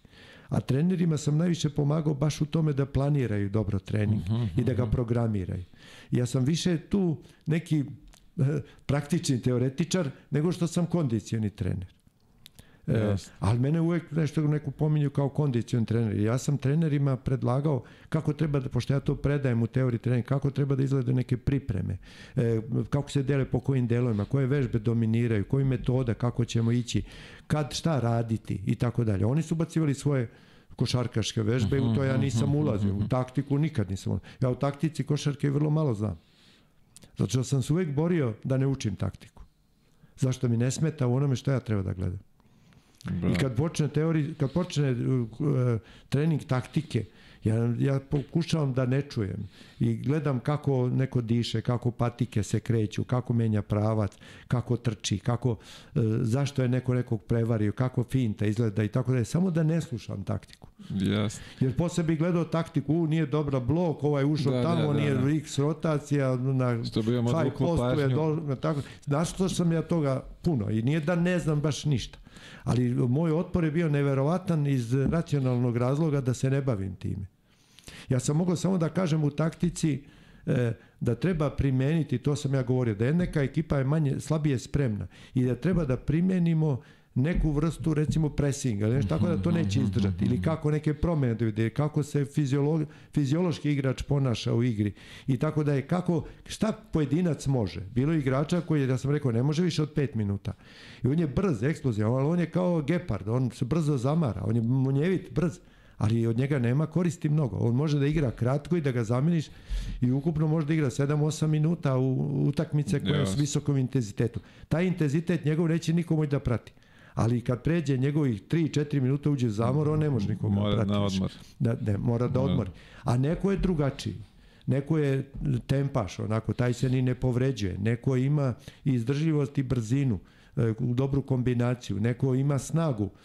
Pa, pa mu se, pred, e, sjećam se Đuru Ostojića koji je snažan bio tada, igramo protiv FNP i ja kažem s ove strane ga čuva igrač koji nije toliko snažan. I ja kažem non stop uvaljivanje ono da traži poziciju zato što ne može da stoji na nogama posle toga. Taj ne može dobro da šutne posle toga. Ja tražim da on iskoristi svoju snagu Jasne. tamo gde je jači a ne da trči. Ovdje, tu neće moći sad njim lakše da trči. Kao što je Peković uništavao centre jer znam kad smo bili u Finskoj E, centar finske reprezentacije odustao, rekao je treneru, treneru, ja ne mogu na nogama da stojim, a ne da igram. on je u drugom polovremenu ga nije ni bilo. Jer Peković kako ga je gurao, čovjek je upirao se da ga pa, sačuva i jednostavno je nestao u drugom polovremenu. E, sad ste spomenuli jednu veoma zanimljivu meni stvar. Uh, tehnika disanja. Ja imam utisak da ja ni dalje ne znam tehniku disanja, iako sam završio ovu o, sportsku karijeru. Da, pa e, važno je, e, u svakoj vežbi, mnogo je važno disanje. I naravno to na istoku se dosta u, u to yoga i neke te veštine to postiču.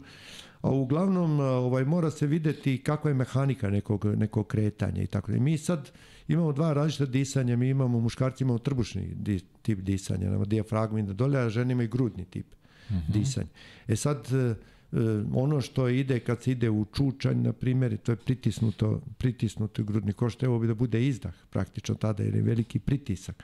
Šta je problem kod tog zadržavanja daha pri, recimo, teretani? E, mišići se napregnu i oni pritisnu krvne sudove i sva krv pojuri, pojuri ka srcu. I ako se stvori ta napetost unutrašnja i čovjek zadržava dah, onda to može da utiče na, na srce ovaj, veoma, veoma loše. Dakle, jako je važno pri tom naporu pravilno disati.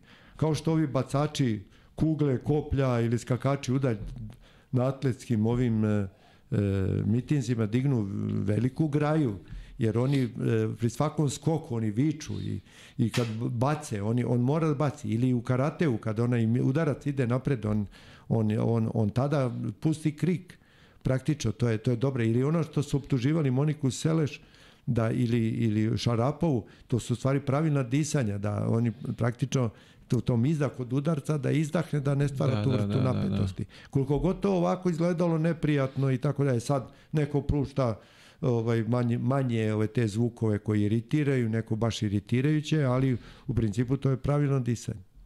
I ja sam nekako par ja do, kroz svoju karijeru uh, Ja sam non stop na, na usta disam. Ja nisam imao kao nos pa na usta izdah. Ja. I onda da, sam, pa, to... mnogo sam se brzo i umarao. Ja nije, da. sad ste spomenuli imaju te neki koji mogu... Tu je važno, važno je recimo naučiti sportiste kad su umorni da što dublji izdah imaju je zašto je iskoristi se, iskoristi se ono koliko 16% kiselnika u vazduhu i sad taj, e, ostane taj rezidualni zaostali vazduh, on je iskorišćen dobri ne, on padne valjda na 12%, ne sjećam se tačno, oko 12%. I sad je važno dubok izdah, zašto se izbaci taj vazduh, i da se uzme novi vazduh. Ne treba mnogo voditi računa o udahu, zato što mm -hmm. ti mišići kad pritisnu, oni, oni se nazad vraća se elastičan grudni koš i on sam uzme vazduh.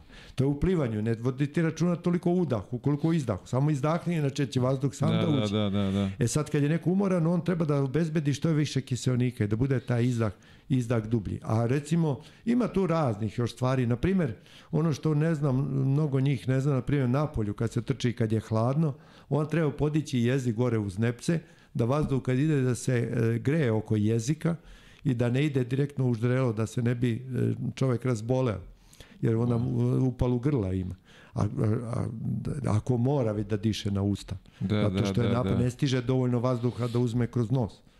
Zato što to je ipak e, manje, manja mogućnost, e, odnosno količine kiselnika Ma- da se uzme. protok, I tako da, da. je puno je tih e, zanimljivih detalja u, u vežbanju e, koje treba učiti decu od malena kako se pravilno izvodi neko kretanje, kako se pravilno diše, šta mu to doprinosi, mora svesno da, da bude svestan e, šta mu to znači u sportskoj aktivnosti i čitav niz tih stvari. E, tako da u, u treningu non stop treba idu neke informacije. Ne da ih neko drži stalno predavanja teorijska, nego da pominje stalno po nešto i da obučava sportiste, jer tako obučavajući sportiste od malena, kad dođe kod seriona- seniora, e, do seniora taj sportista, od njega napravi najboljeg mogućeg saradnika. Jer on zna sve šta i zbog čega treba da se radi i koliko god vas neki instrumenti mere, najbolju informaciju će e, čovjek dobiti ako mu e, sportista iskreno kaže kako se osjeća. Da, Jer da, on je da. sam onda instrument. Ti njemu mora napraviš najbolji mogući instrument koji tebi daje informaciju o stanju njegovom, kako se on osjeća i tako da. Jer nekad je to, ja znam eksperiment davne godine, pravili su na biciklistima i davali su običnim lekarima da gledaju njihov EKG. I oni su rekli prekinite eksperiment, ovo su ljudi koji umiru. On se dobro osjeća tamo. Dok nisu shvatili šta je sportsko srce i kako Da, ono da, da, funkcioniše da, da. i tako dalje. Puno je tih i medicina je učila se svemu i psihologija i druge nauke jer čovjek u sportu je čovjek ekstrema, to je homo maximus. To je čovjek koji teži maksimum. A na maksimum se dešavaju neke čudesne stvari. Mm, Puls koji nije dostupan drugima, neke stvari koje nisu dostupne drugima, e, maksimalni psihološki napori, kada sve bukvalno je na, na, na jednom letu lopte, na jednoj loptici, da li je na liniji i tako dalje, da je čitava karijera možda zavisi od toga i, i tako dalje. To, to, je, to je jako teško. To samo ljudi koji su to prošli. Ljudi na televiziji vide samo završnu sliku, a ne vide put do te završne slike. E što se ja nisam time bavio? Ma malo je onih koji su došli na vrh. To su bogovi. Sportski bogovi. Ali onaj deo muke kroz koji se prolazi, samo znaju oni koji su prošli, e, prošli taj put. Čak i oni koji ostanu van slačionice, oni ne znaju šta je slačionica u kojoj kad se uđe i, i kakve drame se tamo preživljavaju i tako dalje. I na samoj klupi dok teče takmičenje, trenerskoj klupi, e, šta se tamo sve dešava. E, to sve e, običan gledalac ne vidi. Taj deo ostaje za njega trajno zatvoren i nepoznat. I onda lako je, sediš, piješ pivo i kažeš kako Đoko i tamo ovoliko malo mu fali, kako nije sad ovo. A recimo onaj teren košarka, e, teniserski, oni, teniski, oni ni ne vide dobro, ne vide ga od ozgo. I kad priđe mreže što je nije opalio, žestoko ne, nema, nema predstavu da je ta lopta mreža tu viša i da ne možeš udariti tako loptu jako da ona padne u teren Da, sa one da. druge strane. Jer to, oni koji to nisu probali, oni, oni to sve ne mogu da razume. Ja njih e, razumem, ali oni često ne razumeju sportiste i trenere. E, sećam se ove različite lopte koje smo imali kad Euroliga, pa Euroliga se igra sa Nike loptom koja ima jednu, jednu karakteristiku. E, N2 e, igrala se ABA liga, ima drugu karakteristiku, a domaće prvenstvo Molten lopte koje je klizav. Sve tri lopte su različite. Sad kaže kako promašuju slobodno bacanje. Pa posle Moltenove dođeš sad odjednom na ovu Nikeovu i potpuno drugi su oseti ti Da, da. fini gde, gde treba Ona tekstura zna da bude potpuno drugačije. drugačija, Pa čak da. ona koji prašine malo ima na terenu, to, to je to nije slučajno što je promašio bacanje, što je veći broj promašenih, zato što se seli iz jedne vrsta čak i pravila u druga vrsta pravila. Iako su ista pravila, ali kriterijum sudijski nisu isti. Da. I, i, i sve je drugačije.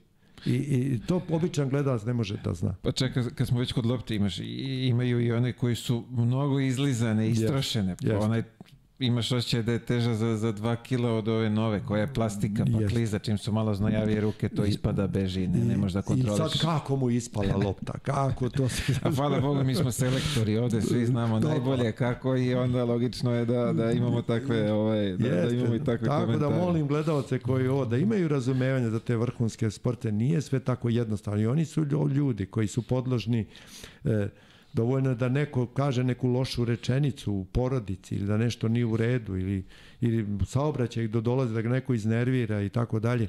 Sve to savršen sistem. Svaki savršen sistem e, kad ima mali neku, neki kvarčić tu, to, to može da odluči. To su one nijanse koje odlučuju. Zato, zato e, mnogo je ljudi na vrhu i, i, a jedan bude na samom vrhu koji je na svetu otporan, prošao, video, našao svoje metode, načine i tako da. Ali za divljenje, svi oni koji se bave vrhunskom sportu, za divljenje šta čine, šta rade i, i, i do, dokle su došli. Sad kad spominjete taj mali deo, prošlo mi kroz glavu i neke mikrorupturice koliko mogu da utiču da, na, da, na, na, na, na sportistu na terenu kad je Te mikrotraume se dešavaju kod svega e, što se radi nepravilno i nema nikakvih posledica. Jedan se slaže godinama i onda se obi, pri običnom nekom kretanju čovjek vodi loptu sam i zaustavi se i recimo ima problem sa nogom.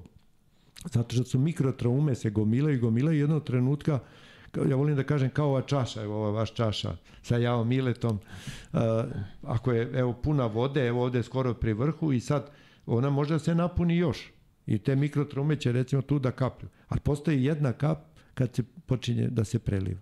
E, to je taj trenutak povrede, koja je e, ni sa čim izazvana, nije tačno.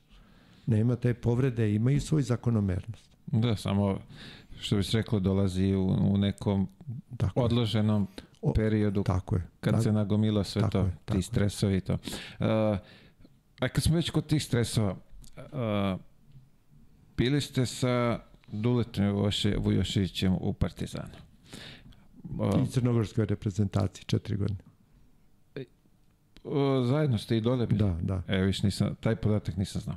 Uh, ovo što me sad zanima, bili su mnogi ovde iz Partizana koji su sarađivali sa Duletom i sa vama i pričao sam sa drugima koji ovaj nisu bili gosti, a imali su prilike da, da sarađuju, bili su deo to, te ekipe. Uh, šta je to što, što ste vi uticali na Duleta da promeni način rada, da, da, da se igrači ne povređuju u, u tolikoj količini kao što je bilo pre? Pa Dule ja se dugo znamo. Ja sam od njega stariji sedam godina. E, on je studirao kod nas na višoj trenerskoj školi i mislim da je među prvima, možda čak i prvi diplomirao. On je veoma ozbiljno učio. Diplomski rad je pisao u nešto što je vezano bilo za skok, čak imam taj diplomski rad, poklonio sam ga njegovom sinu, on je to pisao u vojsci. E, na koji skok tačno mislite? Skok kao košarkaški e, skok? Skok, ili? skok u košarci. Aha, I sad je bio mehanička analiza i pozicije i sve to, to je pisao on, njegov diplomski rad je bio e, na višoj e, košarkaškoj, višoj trenerskoj školi koja je bila na fakultetu sporta i fizičkog vaspitanja. DIF-u, kako mi to volimo da kažem. E, onda sam bio, on je otišao, mi smo se znali tako površno, ali ja sam tad već bio na fakultetu i asistent i tako dalje, on je bio, on je bio tu student. E, bilo je tu mnogo velikih trenerskih imena, neverovatno koja je sve košarkaška imena tu bila, pa, pa iz drugih sportova, iz, iz futbola. Ja se kad je, kad je počelo ta trenerska škola? 76. godine Bra. počelo je sa futbalom, pa onda 78. godine zvanično počela viša e, trenerska škola i tada su mnogi ovi velika futbalska imena, košarkaška, i Bora Cenić, i Maljković, i ovaj, mislim da i Duda Ivković bio, i, i ovaj, Ciga Vasojević, i da ne pominja, iz drugih sportova isto, to je bukvalno sve legende sporta. Tada došle su kod nas da to, da to uče. E, e, sad e, bili su jako e, e, da kažem disciplinovani, amfiteatar je bio pun i dolazili su i radili su i tako dalje. Međutim, Dule je on otišao u inostranstvo, radio je tu u OKK Beograd gde je bilo i tako dalje. Uglavnom u, e, u Partizanu sam ja radio sa mlađim kategorijama sa Kimetom Bogojevićem. E, I sad Dule, Dule je radio sa, sa prvim timom, ja sam radio sa ovim mlađima koje Kime vodio, to je bila... Biše Torlak, je li tako? E, e, da, Torlak. To... E, ne, bili smo prvo ovde, posle je došao Torlak. Mhm, mhm. Ali bio je to ekipa u kojoj je bio i Tripković je dolazio igrao za nas, to je ta generacija. Lekić je bio onda centar, bio je Mijović, bio je Raković, bio je e, od mlađih Paunić i, i Borovnjak i, i Veličković i, i tako dalje. Sad zaboravit ali da, da. jedna ekipa sjajna i tako bilo je to ovaj, jako interesantno e, vreme. S druge strane bio je FMP koji isto imao fantastične igrače u toj konkurenciji rodio se dosta dosta igrača. Pa samo vi što ste nabrojali sad su napravili ozbiljno lepe karijere. Pa ima ih još, e, naravno, ali e, tu je Bjelica kao klinac posle bio ono, ovaj, u tim mlađim kategorijama i tako dalje. To sam ja radio sa njima povremeno ili stalno. Posle, sam, posle bio i Torlak i tako dalje. Uglavnom, e, e, bila je neka vrsta saradnje ono sa prvim timom, odlaze mlađi i tako dalje. E, I m, ja sam... E, jednog trenutka dobio, molili su me da dođem, ovaj, u stvari želi su da dođem u prvi uh, tim, e, ja sam to odbijao, međutim moji motivi su uvek bili e, sportski. E, ja sam, e, recimo, mene svoje vremeno zvao i Duda Ivković sa kojim sam odlično bio i kad je počeo da radi, on je mene e, želeo da ja radim sa njim tada. Ja nisam hteo da napustim fakultet, jer ako je, opredelio sam se za taj put nastavnički, to je za mene bilo najvažnije. E, košarka je meni bila poligon za e, da primenim ono što drugima predajem i da isprobam bukvalno sve e, tu i da vidim i da posmatram i na svakom treningu sam se trudio da nešto naučim. Čak i od sebe posmatranje. Da vidim, moram nešto da, da, da uočim, da ne gubim vreme. A onda naravno tu došlo i školovanje drugih i mlađih koje sam ja uključivo i tako dalje, širio se taj krug. E, tako da jednog trenutka e, e, sam ušao u prvi tim, to kad je osvojena druga titula, jer Zimonjić se bio razboleo. To je početak njegove te bolesti i ja sam upao u prvi tim. I bio je taj Vujanić i Krstić i ostali. E, i mi smo osvojili e, titulu tada.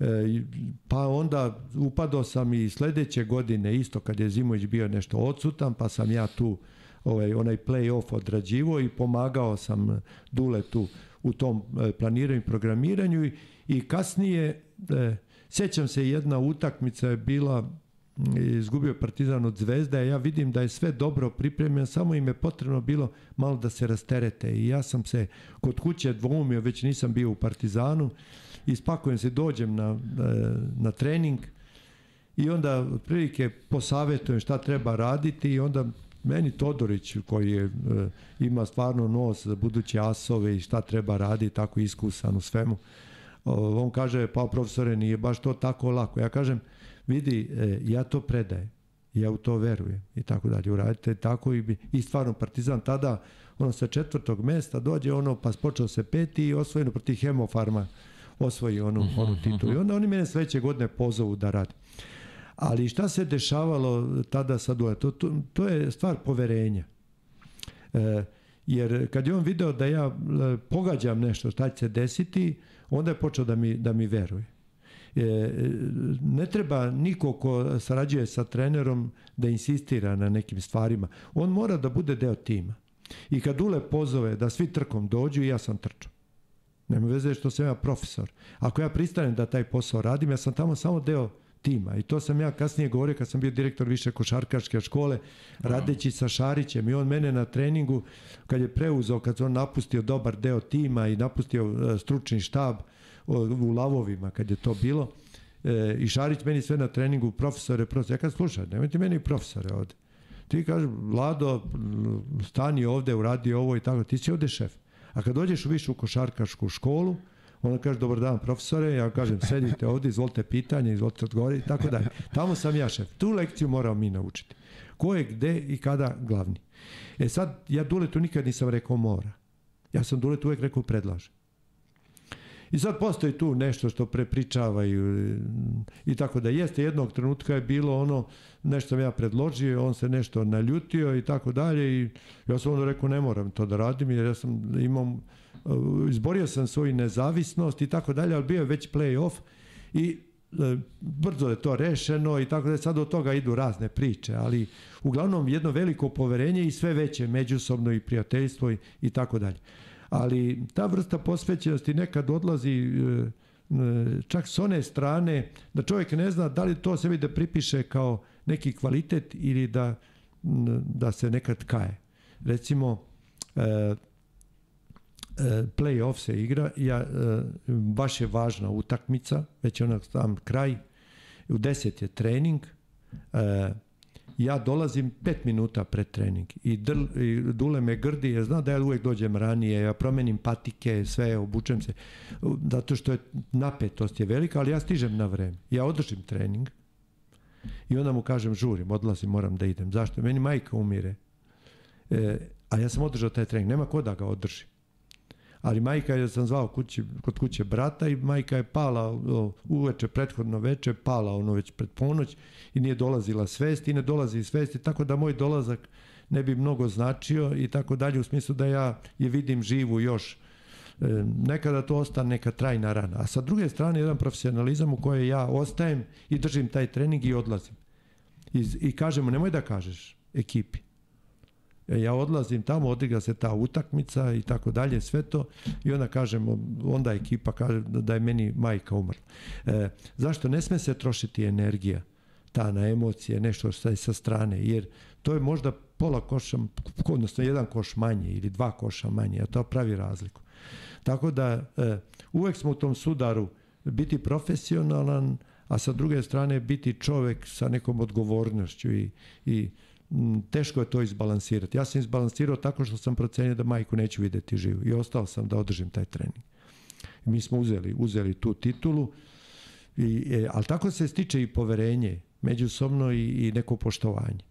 Jer e, ipak, je, ipak je to za poštovanje da ja ostanem i održim taj trening, a ne da se nešto promeni. Tu najgore su u tim odlučujućim pripremama, onim kratkim pripremama, najgore su neka iznenadna pomeranja, neke iznenadne novosti. Ako sve dobro ide. Ako nešto ide loše, onda mogu doneti dobar rezultat. Tako da sam gledao da to sve ostane stabilno. Eto, to je, to je jedna epizoda i sa Duletom sam posle, naravno, imao uh, divnu saradnju. E, uvek je, da mnogo stvari me pitao, e, za neke stvari nije. Trudio sam se da nikad ne potrošim njegovu energiju. A evo, ovo će biti interesantno onima koji žele ovim poslom da se bavi i koji se rađuju sa trenerom. Ponedeljkom razgovaramo svemu i svačemu sa njim.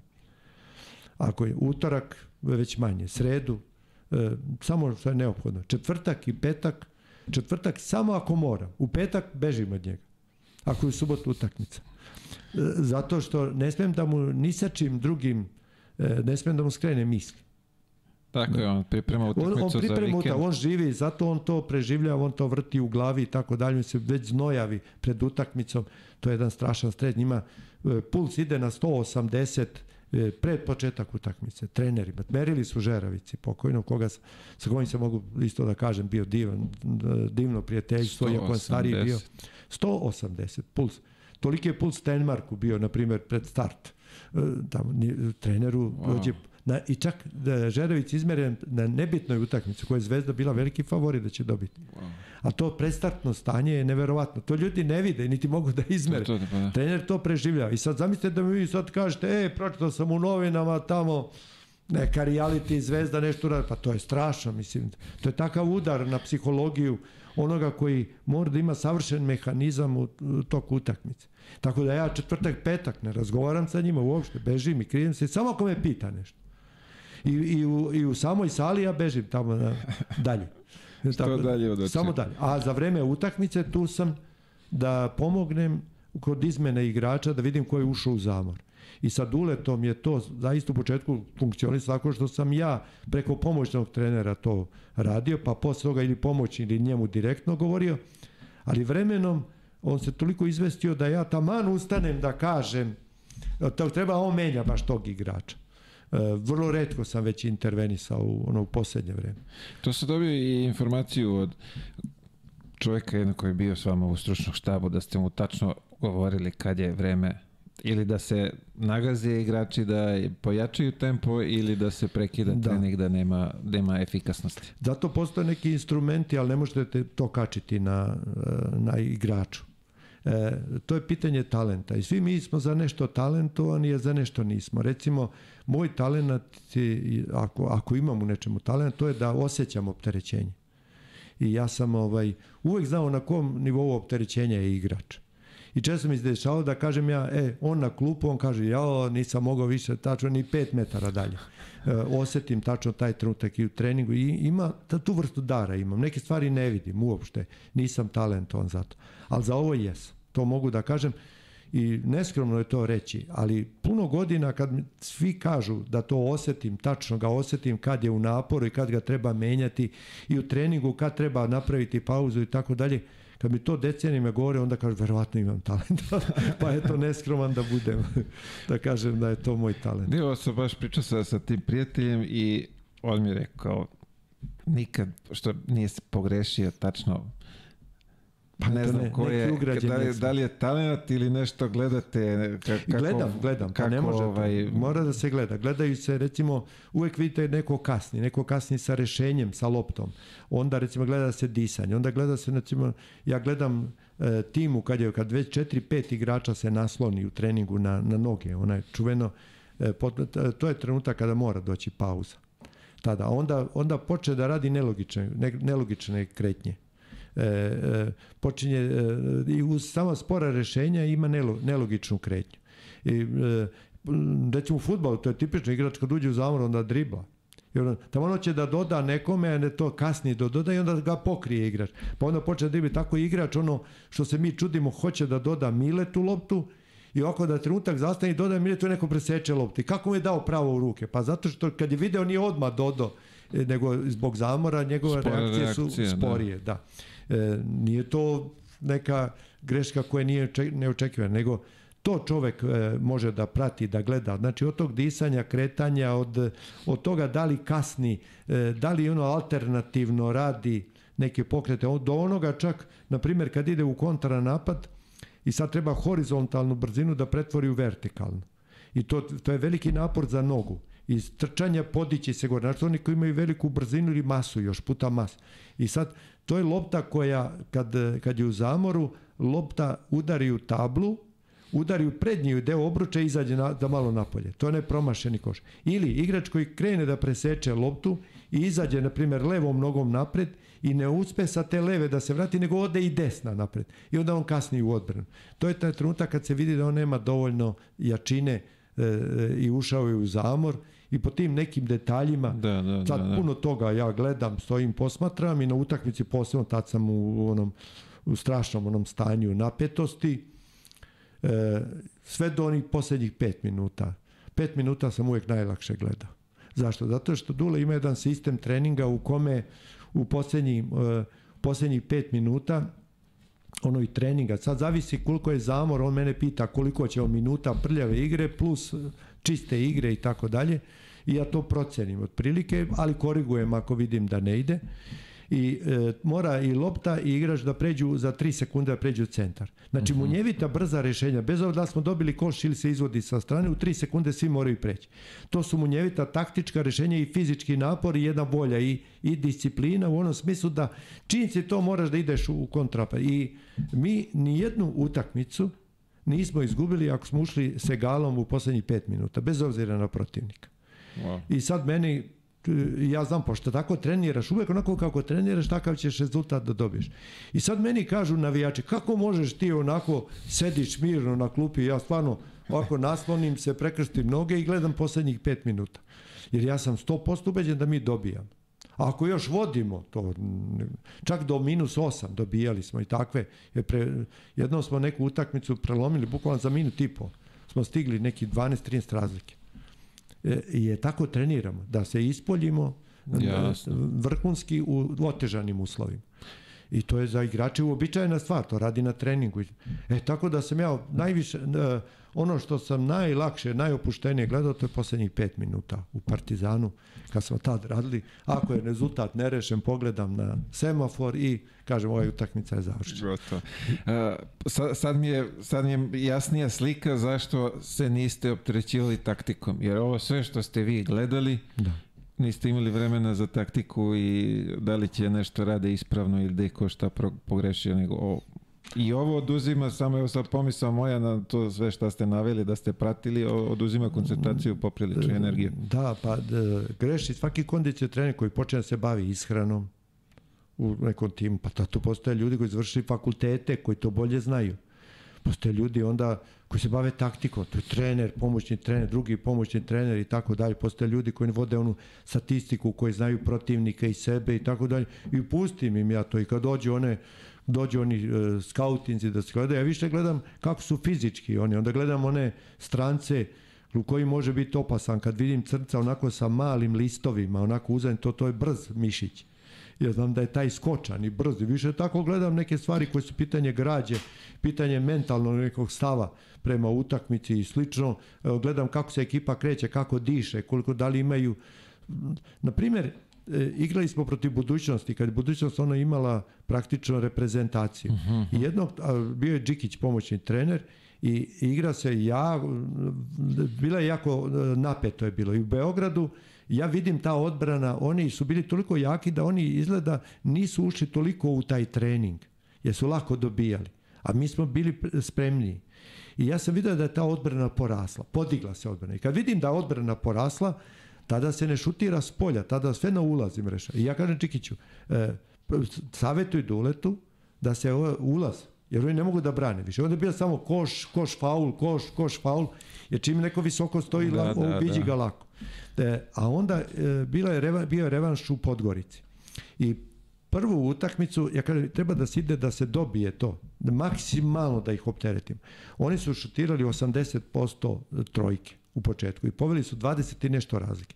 Ali zadatak je bio do kraja maksimalno da se ide, da ih iscedimo i mi smo došli malte na šut za izjednačenje, mislim da je Čanak šutirao za izjednačenje i prošlo je uh, pobedili s tri razlike. Ali tad je bio sistem da se sutradan odmah igra. Sutradan mi smo odmah u prvoj četvrtini već 20 razlike vodili. Jer smo mi bili spremni.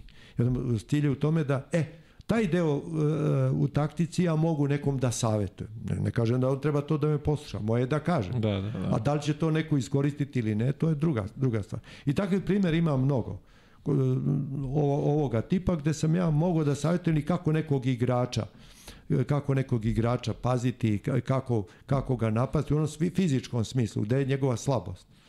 E, tak, ako ima povređenu levu nogu, pa jasno da ideš u njegovu desnu stranu.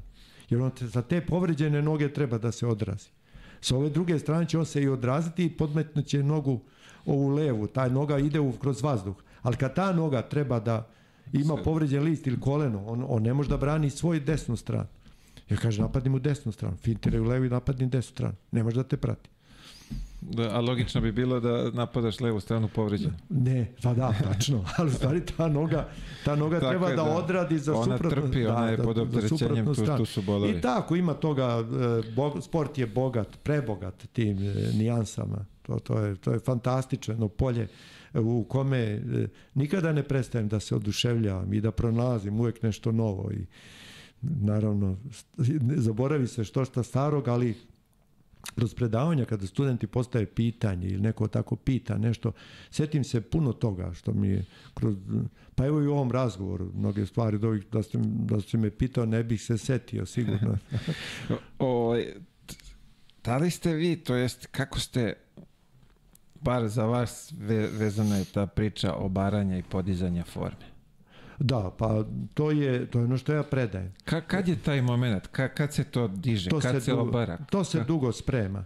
E, šta je sportska forma? To je jedno najbolje moguće, optimalno. Mi grešimo kad kažemo optimalno, mi po tim najčešće podrazumemo srednje nešto. Optimus na latinskom je prvi, najbolji. To je mhm. znači najbolje stanje. To je najbolje stanje funkcionisanja organizma sa ciljem da se postigne rezultat u datom trenutku. Znači, sportska forma je nešto što mora biti u određenom trenutku. E sad, šta je interesantno? Tri stvari moraju da se pogode tu. Da bude oporavak od prethodnog treninga u onoj sposobnosti koja ti najviše treba na toj utakmici. Naprimjer, to je brzinska izdržljivost koja je dominantna kod kod, da budeš i brzi i izdržljiv u tome kod košarkaša. I onda se kroz treninge pre toga namesti da oporavak te brzinske izdržljivosti po svakog treninga padnu sposobnosti pa se podižu i ne podižu se do onog nivoa prethodnog nego ima tako, postoji takozvana superkompenzacija. Organizam doda energiju energiju e, u onoj sposobnosti koja je tretirana na tom takmičenju, na, na tom treningu. I to je ta super kompenzacija. Znači, možeš bolje nego na tom treningu, imaš više energije. I to se pravi za brzinsku izdržljivost, na primjer. Onda, druga stvar je u jednom dužem vremenskom periodu mora da se opterećuje organizam i da se uoči važnih takmičenja dovede na ivicu pretreniranosti. E sad ta ivica pretreniranosti, to znači da je organizam dao maksimum. On može da nastavi dalje da radi preko te pretreniranosti, ali može da uđe u stanje hronične pretreniranosti koja dovodi do ozbiljnih problema i često e, da pregori igrač koji više nikada ne može u karijeri da se vrati. Ali ga treba dovesti do ivice njegovog maksimuma. Znači, to je njegovo maksimalno opterećenje. Znači, nije maksimalno opterećenje koliko čovjek može da, e, da izdrži. Na primjer, potone brod i čovjek pliva nevjerojatno kilometraži, dođe na obalu i umre, zato što je dao 100% sebe. To nije maksimalno opterećenje, to je opterećenje koje je prešlo svoju, svoj maksimum. Opter, maksimalno opterećenje je ono opterećenje, najviše moguće opterećenje na koje može sportista da se adaptira. E, taj vrhunac tog opterećenja koje dajemo u treningu treba da tera do ivice pretreniranosti. Idealno je da se to pojavi negde 7-8 dana pred, pred ovaj, e, važno takmičenje. Zašto? Zato što posle toga ide rasterećenje. I ja znam, Jugoplastika igra u Beogradu i katastrofalno igra i ne, ni gubi, ne, a ide na e, prvenstvo Evrope. Ja kažem, bit će prvaci Evrope.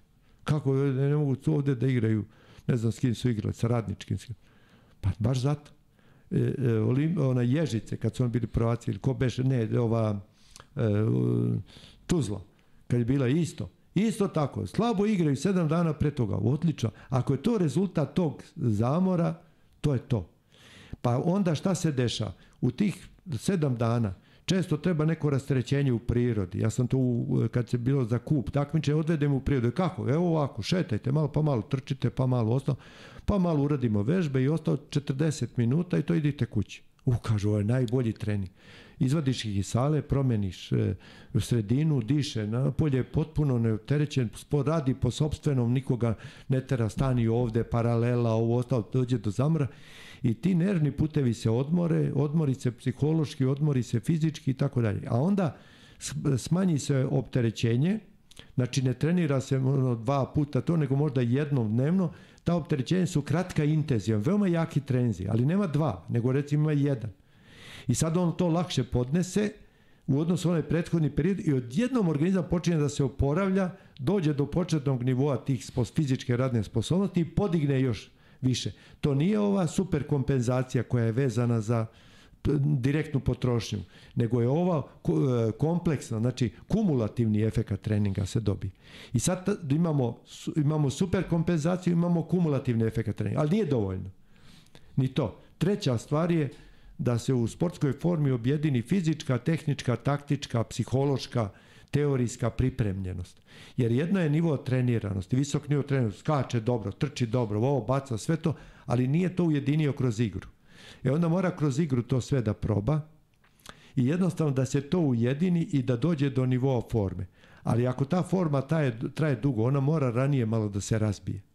Kako se razbija? Tako što se malo više e, trčanja nekoga, malo više teretane, malo manje igre i svega mhm, toga i odem mhm, počne mhm. slabije da igre. I često onda sve slabije igra kako se približava glavno takmičenje. Ali recimo dovoljno je jak da pobeđuje i to je idealna situacija. I mnogi se ljute. Ja sam bio pred smenom nedelju dana pre što smo osvojili neku, jednom, dva puta kup ili neko prvenstvo, hteli su da nas menjaju Crvene zvezde. Pa kaže, očajne igra. Ovo. Pa kažem, pa baš odlično. Pa kako odlično? Pa meni predsjednik jednog kaže, divan čovjek. Rekao, je, dobro vidjet ću to, iako mi odemo na kup kao četvrta ekipa, mi se proštamo kroz taj kup. Baš zato što smo sve pripremili i rasteretili uoči takmiče. I radili vrlo specifično i kratko to sve. I dođemo i odjednom se pojavi taj višak, znači imaš e, super kompenzaciju u glavnoj sposobnosti, imaš kumulativni efekat treninga i u formi si. Vezo sve kroz igru. I ta želja da se takmiči, to je strašno. Ali kako prepoznati ovu pretreniranost? Pretrenirano se prepoznaje tako što igrač postaje nervozan. Onda, ali zato pitanje, kako si? Nervozan sam nešto. Kako si spavao? Malo loše nešto. Umoran sam, zašto, ali već lošije spavam. I hrana, jedem gladan, jedem, ali ne mogu da jedem. E, o, dobro. Taman smo došli do otle, sad rasterećenje. Još za play-off naš se igra ono, e, dođe tačno maj, tu je, lomi se proleće sa, e, sa letom. I tu budu nagla otopljenja. Nagla otopljenja traže oko 30% da se smanji opterećenje. I sad mi guramo opterećenje i veoma, veoma naporno se radi sve dok odjednom ne skoči temperatura. Kako skoči temperatura, tako smanjimo opterećenje. I tako, wow. obično se potrefi tada playoff. I onda se desi prvu utakmicu, dobro, druga, dešava se posle toga da ovi ne mogu pređu centar skoro. I onda idu one priče kako Partizan je forciran, kako ovo, no, u stvari mi to sve dobro odradimo, namestimo tu formu, pripremimo i rezerve igraju odlično i svi igraju odlično i moraju rezerve da dobiju šansu baš u tome jer cela ekipa je potrebna i to onda ide glatko. Jedva čekaju da onda takmičenje. E, to je taj put stručni put, naravno sad su tu vežbe, sad su tu metode, opterećenja, čitav niz stvari, ali ovo, ovo je generalna strategija, tri stvari. Sportska forma, njen važan deo kumulativni efekt treninga i njen izuzetno važan taj e, super kompenzacija. Dovoljno je pogrešiti na poslednjem treningu i da ostaneš bez, ostaneš bez pobede. Jasno, ali ako se to lepo isplanira, isprovede u delo? E, to je, ja volim da kažem, to je penjanje ka vrhu, nekom i čovjek kad se penje na neki planinski vrh, ja sam se peo i na Triglav, na samom vrhu Triglava sam bio, i kad se penjete ka vrhu, e, tamo je sve strmije. I tamo je dovoljna jedna greška da čovjek nađe se u provali. E to je upravo, e, upravo to, to je, to je taj put ka vrhunskom formi, ka vrhunskom stanju i tako dalje. Čak E, čak i igrač izgleda bolesno, igrač izgleda bled i nikakav, rekao bi da duneš ovako negde će se srušiti. Svi ti vrhunski kad su u formi, oni nisu tako rumeni, zaobljeni i tako dalje. Taj činga vidim, tako znam da nije u formi. Nego on izgleda bledo, upali obrad, njegova krvna slika, deformisana su krvna zrnca, sav nikako on izgleda, a to je stanje vrhunske forme a, a kad vidiš da je rumen, da je ovako popunjen, sve to, to, toga nema ništa, aj nije trenir. Kao ja trenutno što izgledam, to, to, to je dobar pokazatelj. Pa gledam tebe pa te opisujem. to, Neću vam zameriti, pošto da, da, da, ništa smo, pogrešili. Mi smo niste... bili istina na suprotni strana, ali uvek smo dobri bili. Ovaj, da, da, da, evo pa sad ovako s ove strane, ovaj, s ove distance gledajući, malo mi žao što nisam imao prilike da sarađujem, ali, bože moj, šta radimo, tako se zalomilo. Ne kažem da bi ja igrao za Partizan, ali mi žao što nismo sarađivali. Da, pa puno je takvih ljudi, ali to sve prijatelji moji, to tako treba gledati. Ja mrzim ove podele. Mi smo na ovoj planeti to što jesmo, mi moramo budemo prijatelji, mi bez obzira da li je neku zvezdi Partizanu, da li je Olimpijakos i Panathinaikos i ne znam nija što se... Ne, to je nebitno. Volim protivnika, nisam dobar ako nemam protivnika. Moram, on me inspiriše, on, on me tera da da maksimum od sebe. Ako nemam protivnika, e, nesposoban sam. E, moram da ga izmislim sebi, onda dajem neko vreme sebi da, koje moram da uradim nešto, moram sebe da opteretim, moram imati protivnika, ako nemam protiv, ne neprijatelja. Ne trebaju mi neprijatelji, trebaju mi protivnici. I onda imate sjajna prijateljstva i, i e, vi na njega utičete, on na vas i to najbolje opisuje Đoković i ova, ova trojica. On jedan drugoga hvale kako su gurali jedno drugo i zatvorili su tri, četiri generacije koji nisu mogli ništa da osvoje od njih. Zato što su oni samo menjali tu u tom svom o, ove druge su jednostavno gledali kao ovaj potrošnu robu vera usput da dođe oni do svojih ciljeva. A, ali tako je i, i, i boli me to kad vidim to vrstu, bilo koje vrstu neprijateljstva i vidim neke zagrižene ljude koji mrzim zvezdu, mrzim partizan. Nisam od tih, nije zvezda ni partizan, niti bilo koji čovek tu, ne predstavlja on to. To je neka istorija, to je, to, to su naši ljudi. To su, to su ljudi koje moram da volim ili da cenim. Ja tako razmišljam. I... Mislim, moje neko viđenje, uopšte nema potrebe da, da mrzimo se. Pa čim mrzi je, čovjek manje, manje vredi. Apsolutno. I ne vidim ništa loše što sam ja igrao za Zvezdu, što su neki ništa, drugi igrali za Partizan. Tako se namestilo u tom momentu. Takmičili smo se. Tako je. Jednom smo mi pobeđivali drugi put su oni totalno i nebitno i, i sad ova ista tenzija koja se stvara između na tim utakmicama to hoću kažem, na kraju krajeva ti igrači dole, oni su prijatelji, Tako kumovi, iako igraju to ne vide, kad vreme najrat, oni se između sebe druže. Ali da. ti, oni, ne znam, da su oni, oni, ne znam da su publika da li je toga svesna, su momci došli da odrade, odigraju utakmicu. Ko, naravno, postoji tenzija između Ma njih. ništa ti slađe Hoće- nego dobiti u derbi. Pa Tako to je. je, to, to je fantastično. Pa to, kad dobijem zvezdu, ja kao veliki partizano, pa to mi ništa milije, nije toga. Ali nema kad sam bio potrebe. zvezdi, volao sam dobijem partizan, on kao ženskom timu. A to je Pa tvoja to ekipa. derbi, da, ali naravno u Partizanu tek je to poslastica bila. A patim kad izgubim. Ali onda, to, ali to je znak za uzbunu. Da mora bolje da se radi, moram nešto, mora nešto se menja i tako dalje. To je taj neki takmičarski naboj. Sve preko toga uopšte nije potrebno Tako ni je. društvu, ni sportu. Pogotovo što se dešavalo sad na kupu, bacanje E, predmeta, prekidi. e, ta, to što kažu ono usamljena gomila i čovjek e, to je From lepo opisao da e, mnogi se osjećaju u, u gomili e, slobodni i ta, ta gomila e, to je neka vrsta autoriteta iza koje se krije neko ko ne Da, može da. ništa da uradi. Znači, e, svaki realizovan čovjek ne bi smeo tako da se ponaša. Ali imao sam i primjere tako da gledam profesora univerziteta u jednom malom timu, navije za jedan mali tim, koji sudijama kaže što ni jedan e, čovjek sa ulice ne bi uspeo da kaže. Jednostavno kad se pretvori u navijača, pretvori se u potpuno drugo biće. Čovjek koji je veliko ime bio. Ali ima svoju drugu stranu Ponese kad ga. postane navijač. Da. Izađe iz tog iz sopstvenog bića, tog profesorskog, stvarno cenjenog čovjeka. Da njega čak i ovi koji su vređali utakmicu su sa čuđenjem gledali u njega, da je moguće Da, da, ovaj čovjek da, on navija za neki manji tim, nije važno, neću pominjem, Da, da. ovaj, taj čovjek pokojni, ali ja sam se čudio, ja, ja sam se divio šta on izmisli da kaže. Ali eto, da, ima i Pa, tako. desi se, ponese, ali opet, što vi kažete, masa je ta koja pokreće sve te Jeste. aj kažemo gluposti u, u ovim situacijama na utakmicama jer pojedinac kao pojedinac ja sam ubeđen da to on ne bi uradio da je sam da ga postavite samog tamo na tribinama on ne bi se usudio da baci ali kad je u toj masi u toj gomili osjeća Trebao se bi da moćno. ima u stvari neko samopoštovanje. E, ja volim da citiram e, Marka Miljanova. E, čovjek ne smije sve što može. Znači, možeš ti iz te mase to dura, ali ne smiješ. Ne smiješ zbog sebe. Znači, e, to, to je moralni stav. To je i neka vrsta samopoštovanja. Da ti, ne, ako vređam drugoga, e, nemam baš dobro samopoštovanje. pa to, možda, možda grešimo, to bi psiholozi bolje objasnili, ali ipak se vraća sve ono na ličnost. Jer e, odrekneš se sebe u onoj masi kada ideš kuda masa ide. I, i to, to je onaj užasan, užasan deo e, u ličnosti. Jer Moraš imati, u toj masi moraš imati svoj identitet. I ona čuvena slika da je svi pozdravljaju Hlik- Hitlera, samo jedan nije podigao ruku. tako je Ali dok jedan postoji koji drugačije misli, nije izgubljeno.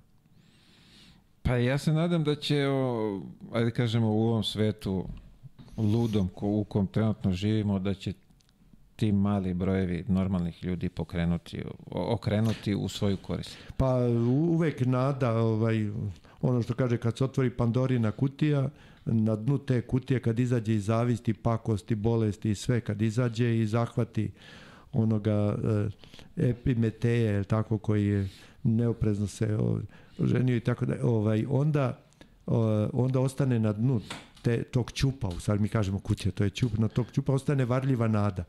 I ta varljiva nada nama, ona, ona spasava, spasila je ljude od masovnog samoubistva, pošto je sve loše. E, neće to nikad nestati, uvek će biti dve strane. Obnavlja se i dobro i zlo i to je, ali e, to samo znači da uvek mora biti borba za dobro. Jer neće zlo nestati, a neće ni pobediti nikad. I, I to je ta ravnoteža i nama je samo pitanje da budemo što je moguće više opredeljeni ka dobru. Ali iluzija je da će jednoga trenutka u nekome društvu i nekada pa 21. vek valjda će ljudi biti pametni i tako dalje jeste, ali evo, evo bombe nam vise za, nad glavom i Da. pitanje možda trenutka kad će se svet srušiti. Da, da li je to to što smo želi da će dobro pobediti zlo. E, nadajmo se tome i, i ta varljiva nada sad na tog ćupa treba da nas drži, ali moramo sami da se borimo da tako Pa borit ćemo se, predaje nije opcija, Nije. Bor, borit ćemo Nije. se Nije ovaj, uvek, tako da vidjet ćemo. Uh, zanima me još jedna vaša epizoda u Partizanu sa Trinkjerijem. Kako izgleda Da. ta saradnja? Da, izvanredno. Trinkier je vrlo inteligentan čovek. E, mm, ja sam slučajno ušao u Partizan, ja sam se vraćao iz vikendice svoje za Beograd i Lončar me je pozvao i dođi, dođi ovamo šta je, kondicioni trener je otišao iz tima, otišao je da radi sa ovim e, e teniserom jednim svetskim ovaj crnogorac ovaj iz Kanade e, Raonić, Raonić da. i to je bilo dva dana pred početak e, početak priprema i ja sam došao i to je prvi dan kad se radilo. Ja sam ušao ušao tu bukvalno sam došao kolima i, i tu stao i šta o čemu se radi i tako dalje i sve to. I sad ide onaj razgovor šta kako ovo ostalo ali e, moja čerka voli da kaže tata tebe kad nešto tako mole i kaže ti kaže ne mogu neću radim ovo je dosta. Ali ako je ono spasava i e, ti si, ti si spreman da to ure. E, e, bukvalno tako bilo i sad kaže kako ovo da vidim, kad počne trening, sad idemo odmah na trening. Ja sam bukvalno odmah otišao na trening. Jer to je bilo e, specifična sezona, pošto je bilo samo mesec dana, 28 dana priprema. I sad nema onoga ko ranije što je bilo po dva i po meseca, pa se polako trči, pa se diže, pa se ide na planinu, pa tako dalje. I sad je to trebalo na brzinu isplanirati, urediti i tako dalje. Trinkier je, već znali smo se od ranije, i sreli smo se u Banja Luci kad je bio neki turnir na koji učestvuje i Partizan. I on je bio ba sa Šćepanovićem tada i ja i pitam me on šta radim, ja kažem ne radim, ne radim u košarci više, imam i gode, a on kaže velika šteta. Tad mi to rekao. Znači, da me cenio tada. I sad kako sam ja došao, mi smo počeli fantastičnu saradnju. E, deo te saradnje mi nije prijao. E, šta mi nije prijao? E, toliko e, je bio, e, toliko uvažao moje mišljenje da meni neprijatno bilo. Ja kažem prekini trening, on isto momenta prekida. Nemoj Andreja, ja mu kažem, molim te završi trening. Mi možeš još nekoliko puta tamo, ali ako sam ja rekao, a ja još pokažem ako prstima ono da seče, da ne bi vidjeli. Ali igrači, vi svi vidite, vi vidite tamo u publici, sve to je, ta košarka je čudo, nešto play igračom, sve vide okolo. I ja uradim ovako, ali to vide svi. I on vidi, naravno, i on je dugo u košarci. I sad on prekine trening. I kako ja kažem, tako je. I sad to za mene postalo opterećenje. Zato što ja volim da trener ima malo i samostalnosti u onom smislu da ne mora da me poštuje skroz, nego da tera po svome malo ne. Ne, on tako, tako, tako. I, i mi smo u tu sezonu fantastično krenuli. S tim što zbog skraćene sezone, ja sam mu rekao u drugoj nedelji u kojoj moramo podignemo opterećenje, zbog onog kumulativnog efekta treninga, bit će dobro ako nam se samo jedan povredi. Međutim, niko nam se nije povredio. I mi imamo treća nedelja, već bilo četvrto ono rasterećenje, igrao se onaj super kup, mi osvojimo taj super kup, odemo u Italiju, dobijemo ovaj, da li Virtusa, koga smo dobili, e, i startujemo dobro. I kroz sezonu dođemo mi bukvalno na prag pet titula. Mi smo, ja sam bio siguran da ćemo četiri uzeti sigurno. Petu nisam bio siguran, ali za četiri sam bio siguran da ćemo uzeti. To je neverojatan uspeh. Uzeli smo kup, na tom kupu je Gordić povredio stopalo jer doskočio je nekome e, na, na nogu, a Trinki, a, ovaj, Cory Volden je imao takvi stomačni problema, se bukvalno u polovremenu onesvešćivo. Mi smo bukvalno bez pleja igrali tada protiv Zvezde to finale. Nisu to oni znali, jer se to, znali su za Gordića koji ne igra, ali Cory Volden je stvarno jedan sjajan momak, on to izneo i mi osvojimo i taj kup. I sad dve titule imamo, a ide tek ostalo. I sad smo prvi u ABA ligi, prvi smo i I sa tim rezervama, recimo, dođe Mozli iz druge italijanske lige, dođu Kori Volden iz, iz, iz Izraela, nepoznat i tako dalje. Ali ne igramo loše, igramo lepo i vole, vidim ja po narodu da voli da nas gleda. Imamo dobru atmosferu, a nije to tim nekih baš izuzetnih igrača, ali kao a, pojedinaca. Ali kao tim smo dobri i nezgodni bili. I mi E, došli smo dotle da meni jedan igrač priđe u oči svih tih tak, završenih takmičenja i kaže ne, ne vidim kako mi možemo ovo da izgubimo. On ne veruje da može da izgubi već.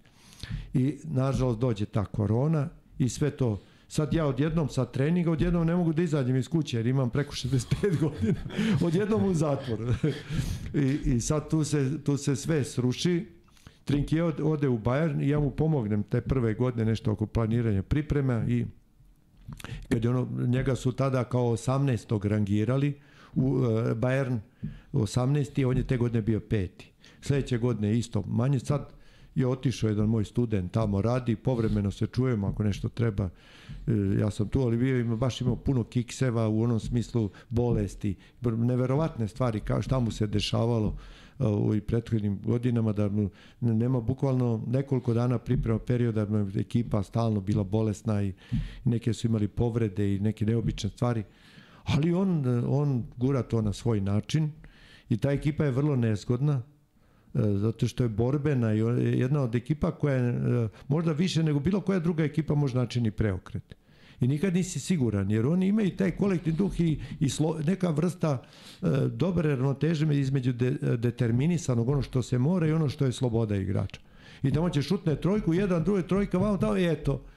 I, I ja sam se bio, baš sam, e, kad je Zvezda igrala, video sam da neće to biti lako, zato što počelo je ono malo ispucavanje i tako dalje, ne, ne, nešto je, nešto se poremetilo u onoj, onoj čvrstini do koje je dovela do, onih 12, koliko razlike, 11-12. A ovaj tim igra isto. I sad tu se desile te promene. Šta da se radi? To jednostavno mora... E, košarka je u duhu vremena. O, ona je sport koji je najviše u duhu vremena, u kome sve se munjevito menja. U kome... E, u, u trenu je sve drugačije i zato ona ima tu atraktivnost, zato taj minut i pol traje dugo i sve munjevito se menja i de taktike se nadmudrivanje, sečenje i ta takva su pravila sečenje igre, e, ubacivanje rezerve koji prave faulo i tako da sve je jedan, jedan brzopotezni šah koji se igra u onim posljednjim, posljednjim minutima. I, I zato to što je u duhu vremena, to rađa napetost. A spa, savremeni sport traži tu napetost, traži dinamiku i svaki sport će nestati sa scene kada ne bude više te, televizičan, kada ne bude uzbudljiv. On će početi da gubi publiku, sponzori neće imati tu interesovanje i to će, to će nestati. Zato sva pravila i, i sve ide ka tome da se postigne jedna velika dinamika, jedno veliko uzbuđenje, ti preokreti tako da. Čak onaj, oni penali na svetskom prvenstvu, pa se ja smejem, čovjek da putuje u, u, tamo na i bliski istok, pa onda plati tamo skupo hotel, pa ulaznice, sve to i dođu penali, onda pokrije. da ne gleda. Ono što da, je platio, skupo pokrije da ne gleda. Da ne gleda, da, tačno, to je, da, da, ima i toga. Ali pa, sad, ali, ako sam dobro uh, razumeo, uh, FIFA je, kad smo već kod tih penala, FIFA je testirala penale pre utakmice te, testirali su to u nekim mlađim kategorijama. Mm. Penali će se u buduće, ako, sam, ako, ako budu sproveli u delo, šutirati pre nek što počne meč. I onda će se znati ko je pobedio u penalima i nema više kao kako već. Igre na nulu. Tako je. E, da, to je taj dobar, to je ta dobra strana, a s druge strane e, penal odlučujući treba stati i šutnuti kako Pančev dade ili, ili Panjenka u Beogradu. I, e, Procenit će oni to. Možda će dati u nekim kategorijama da bude tako, a nekim takmičenjima drugačije. Ali eto, to je upravo to e, da se ne ide na nereše, onda neko mora da pobedi, da neko mora da napada i tako dalje. Postoje razna rešenja, ali traži se atraktivnost. Tako je. E, uložen, e, kogod uloži novac, on traži da mu se taj novac vrati. A vraća mu se tako ako je za publiku interesantan. Jasne. I ako može toj publici nešto da proda. Šta prodaje? E, sport prodaje rezultat samo, ali on usput prodaje što šta drugo, prodaje publiku, praktično sponzorima prodaje ono što publika kupuje, e, tamo kada je opremu i tako dalje. To je to je sad stvar za ljude koji se bave tim marketingom i i menadžmentom koji to mnogo bolje znaju od mene, ali ja vidim kuda ide taj sport.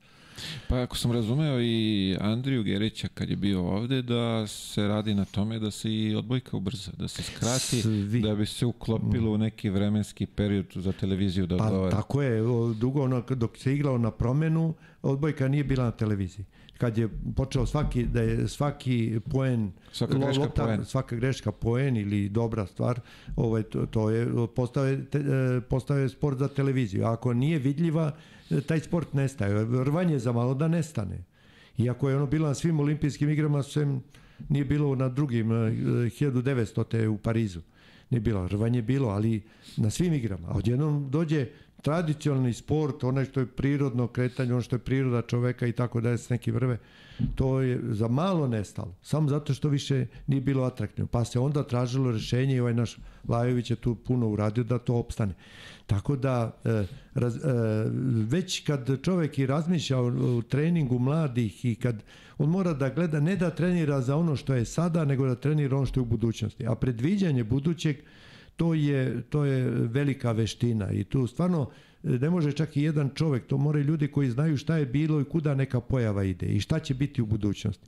To veliki broj ljudi trebali bukvalno po savezima da budu taj savet neki koji mora se pozabaviti budućim vremenom i kako će to izgledati, jer treba ih trenirati za neko buduće vreme.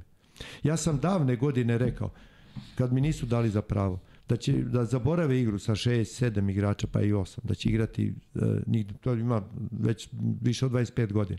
Će igrati da će igrati ovaj najmanje 8, 9, 10 igrača jer će intenzitet se podići da e, igrač budućnosti nije e, to je igrač koji e, pri maksimalnim brzinama ispoljava ima munjevita e, i, minjevita i, i dobra rešenja.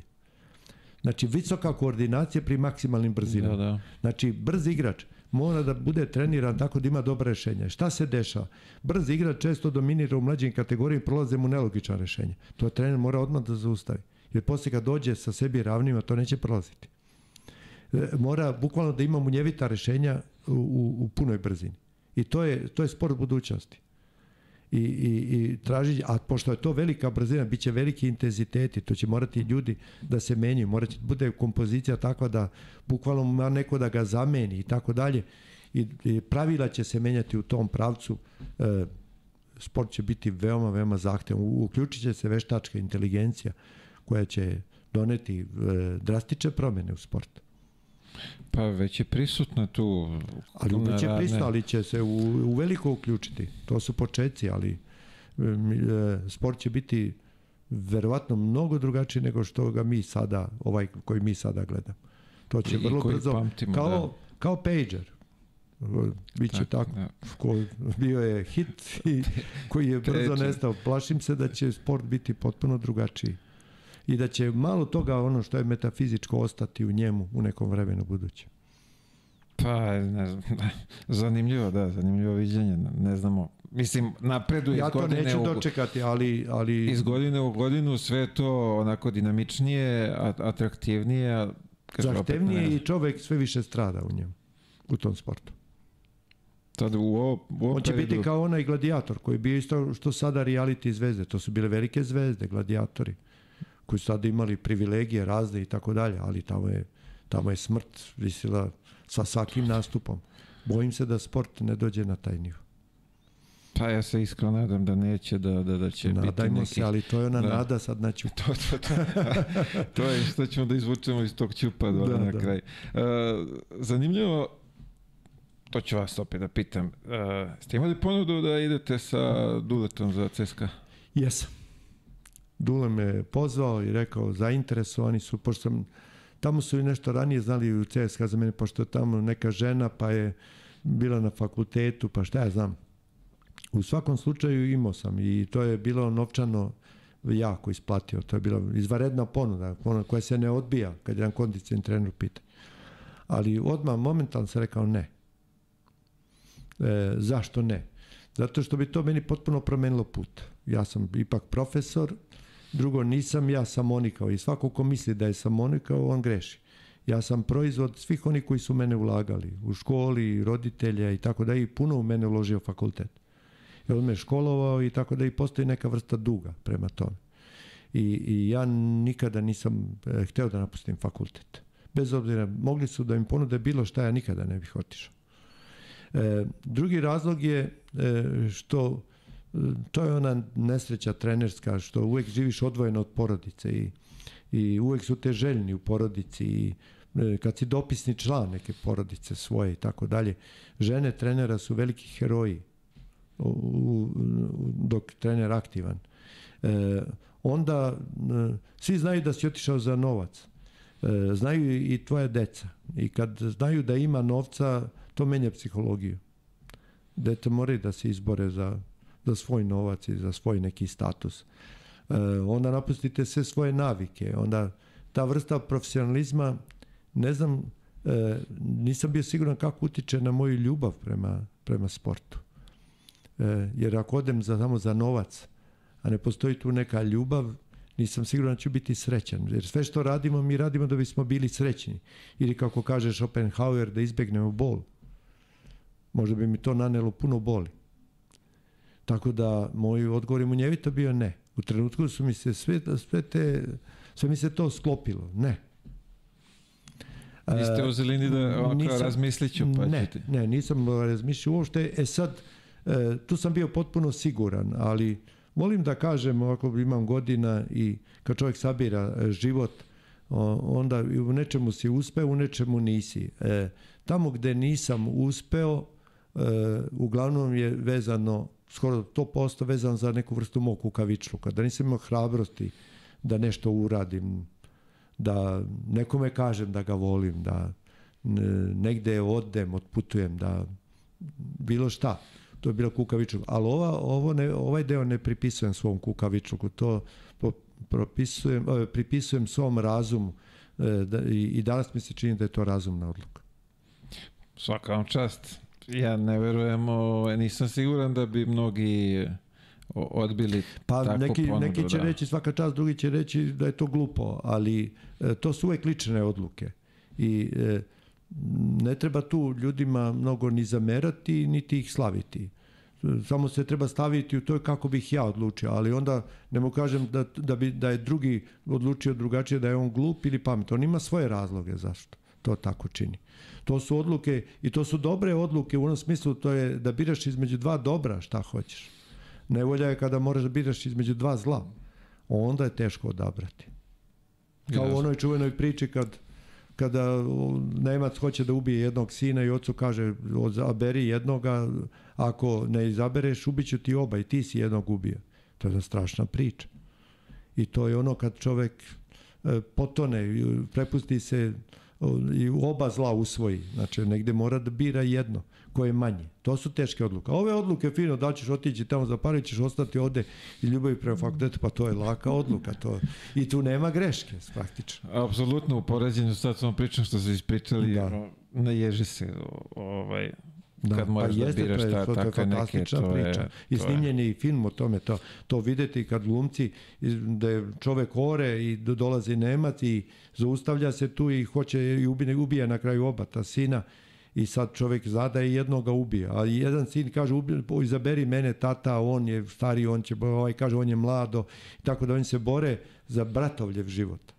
E, to je strašna, strašna priča i sad čovjek samo da se stavi u tu situaciju takvog izbora, ne daj Bože nikom. Daleko Ali bilo. ima i ona divna priča, što kaže mogućnost izbora, kaže, e, to mi je filozof Đuro Šušnić rekao, i to, to je fantastična stvar. Kaže, došli su u selo neko Nemci i kažu, neka istupe svi Srbi jedan korak napred.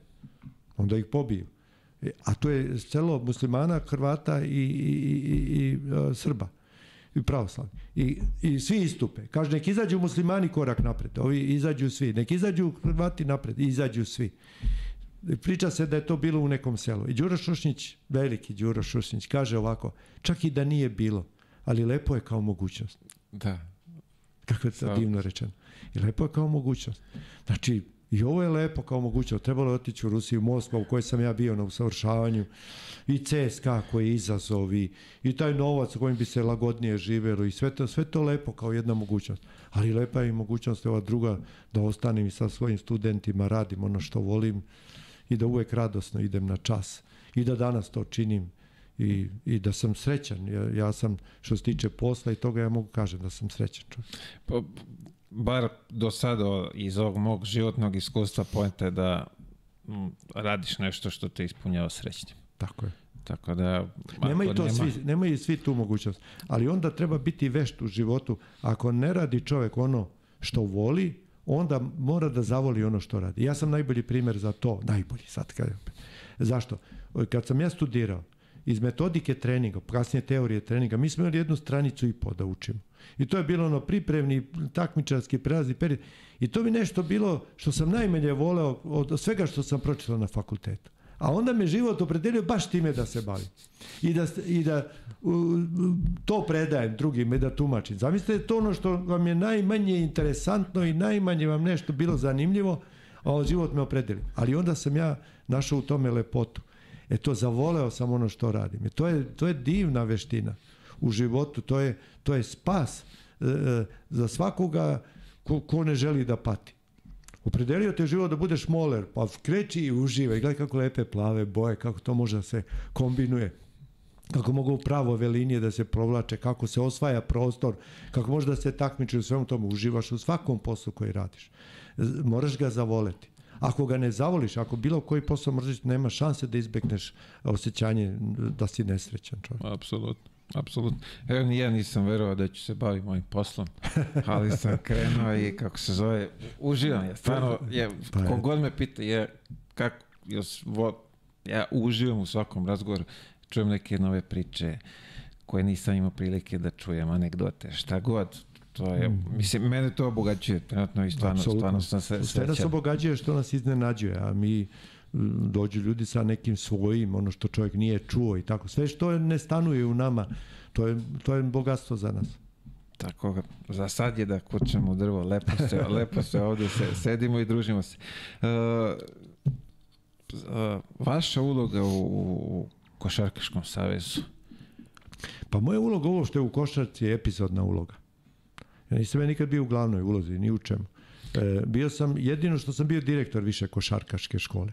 A u Savezu sam imao više uloga. Bio sam naravno u tim reprezentativnim selekcijama, pa sam onda učestvovao u školovanju kad je otvorena viša košarkaška škola. Uh -huh. Ja sam bio nastavnik tamo, pa sam jedno vreme bio direktor.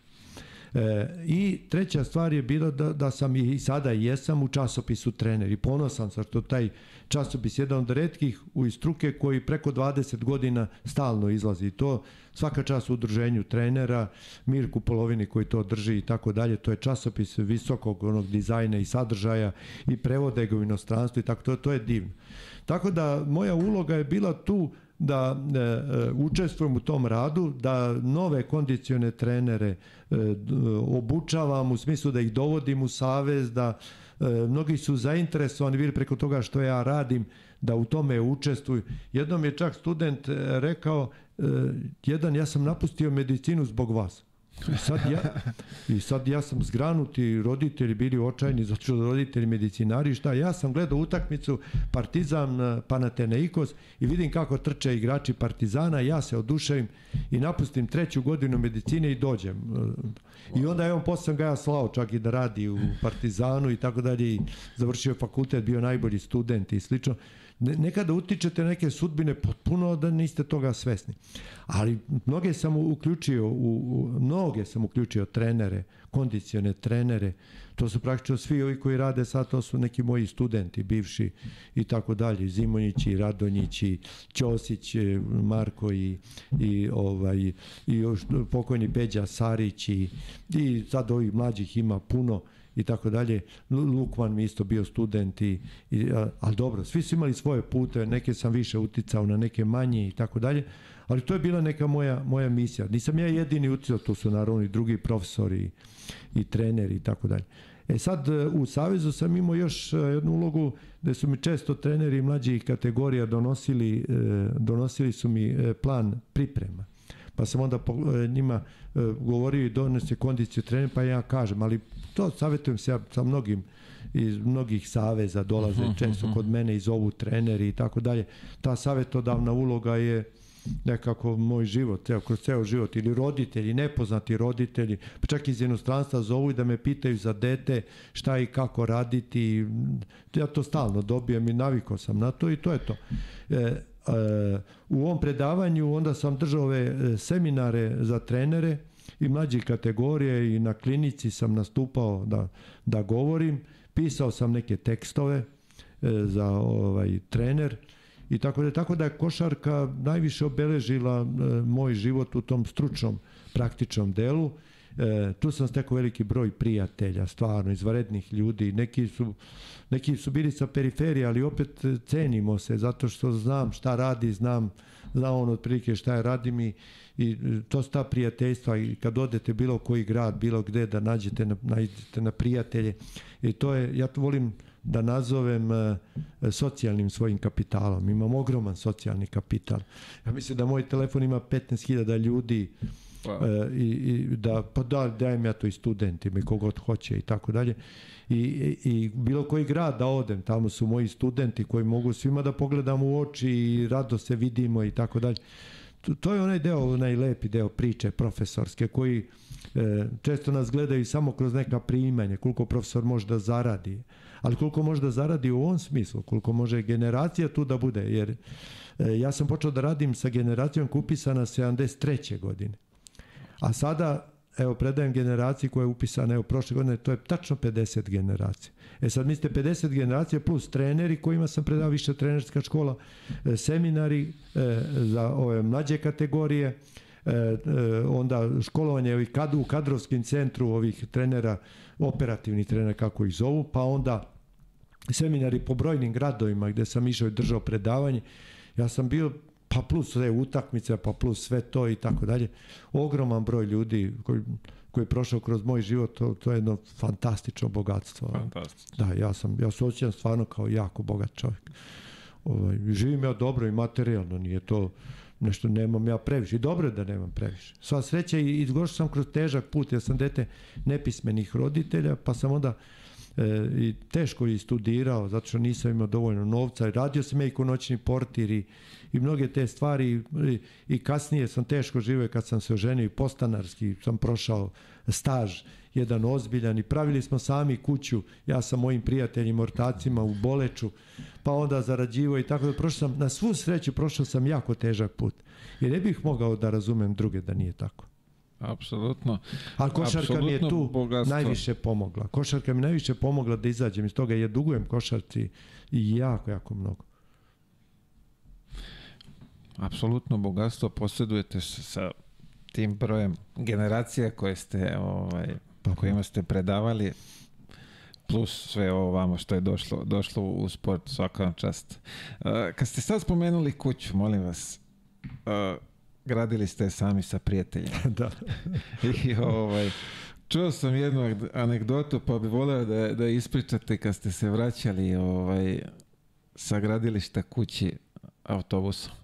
A da, to je često bivalo, pošto e, mi smo odlazili autobusom, nismo imali kola, autobusom, pa onda nam treba struja, onda nosimo kablove, onaj, onaj kotur kablove i to sa dugački, dugačak e, kabel e, i Da veliki od kotur, pa da se uzme od komšija, tako dalje, pa pozajmljujete vodu, pa šta ja znam, pa radite do poslednjeg časa, pa jurite dole kilometar i 700 metara je bilo do, do stanice, E, i on, a to sve ide uzbrdo naravno gore pa se nosi i hrana i onda nemate vremena da se presvučete ništa i osjećate se i tako dalje.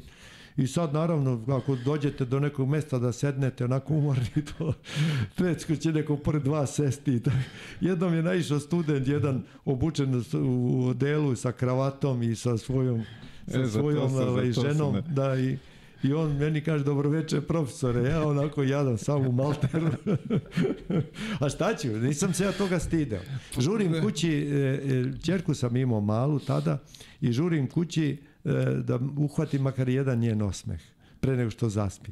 I onda taj naporan dan da od pet ujutro krećem da radim, idemo da radimo i svaki praznik i minus 20 i plus 40 i tako dalje idemo, radimo sami. Prvog majstora smo platili oluke što je pravi.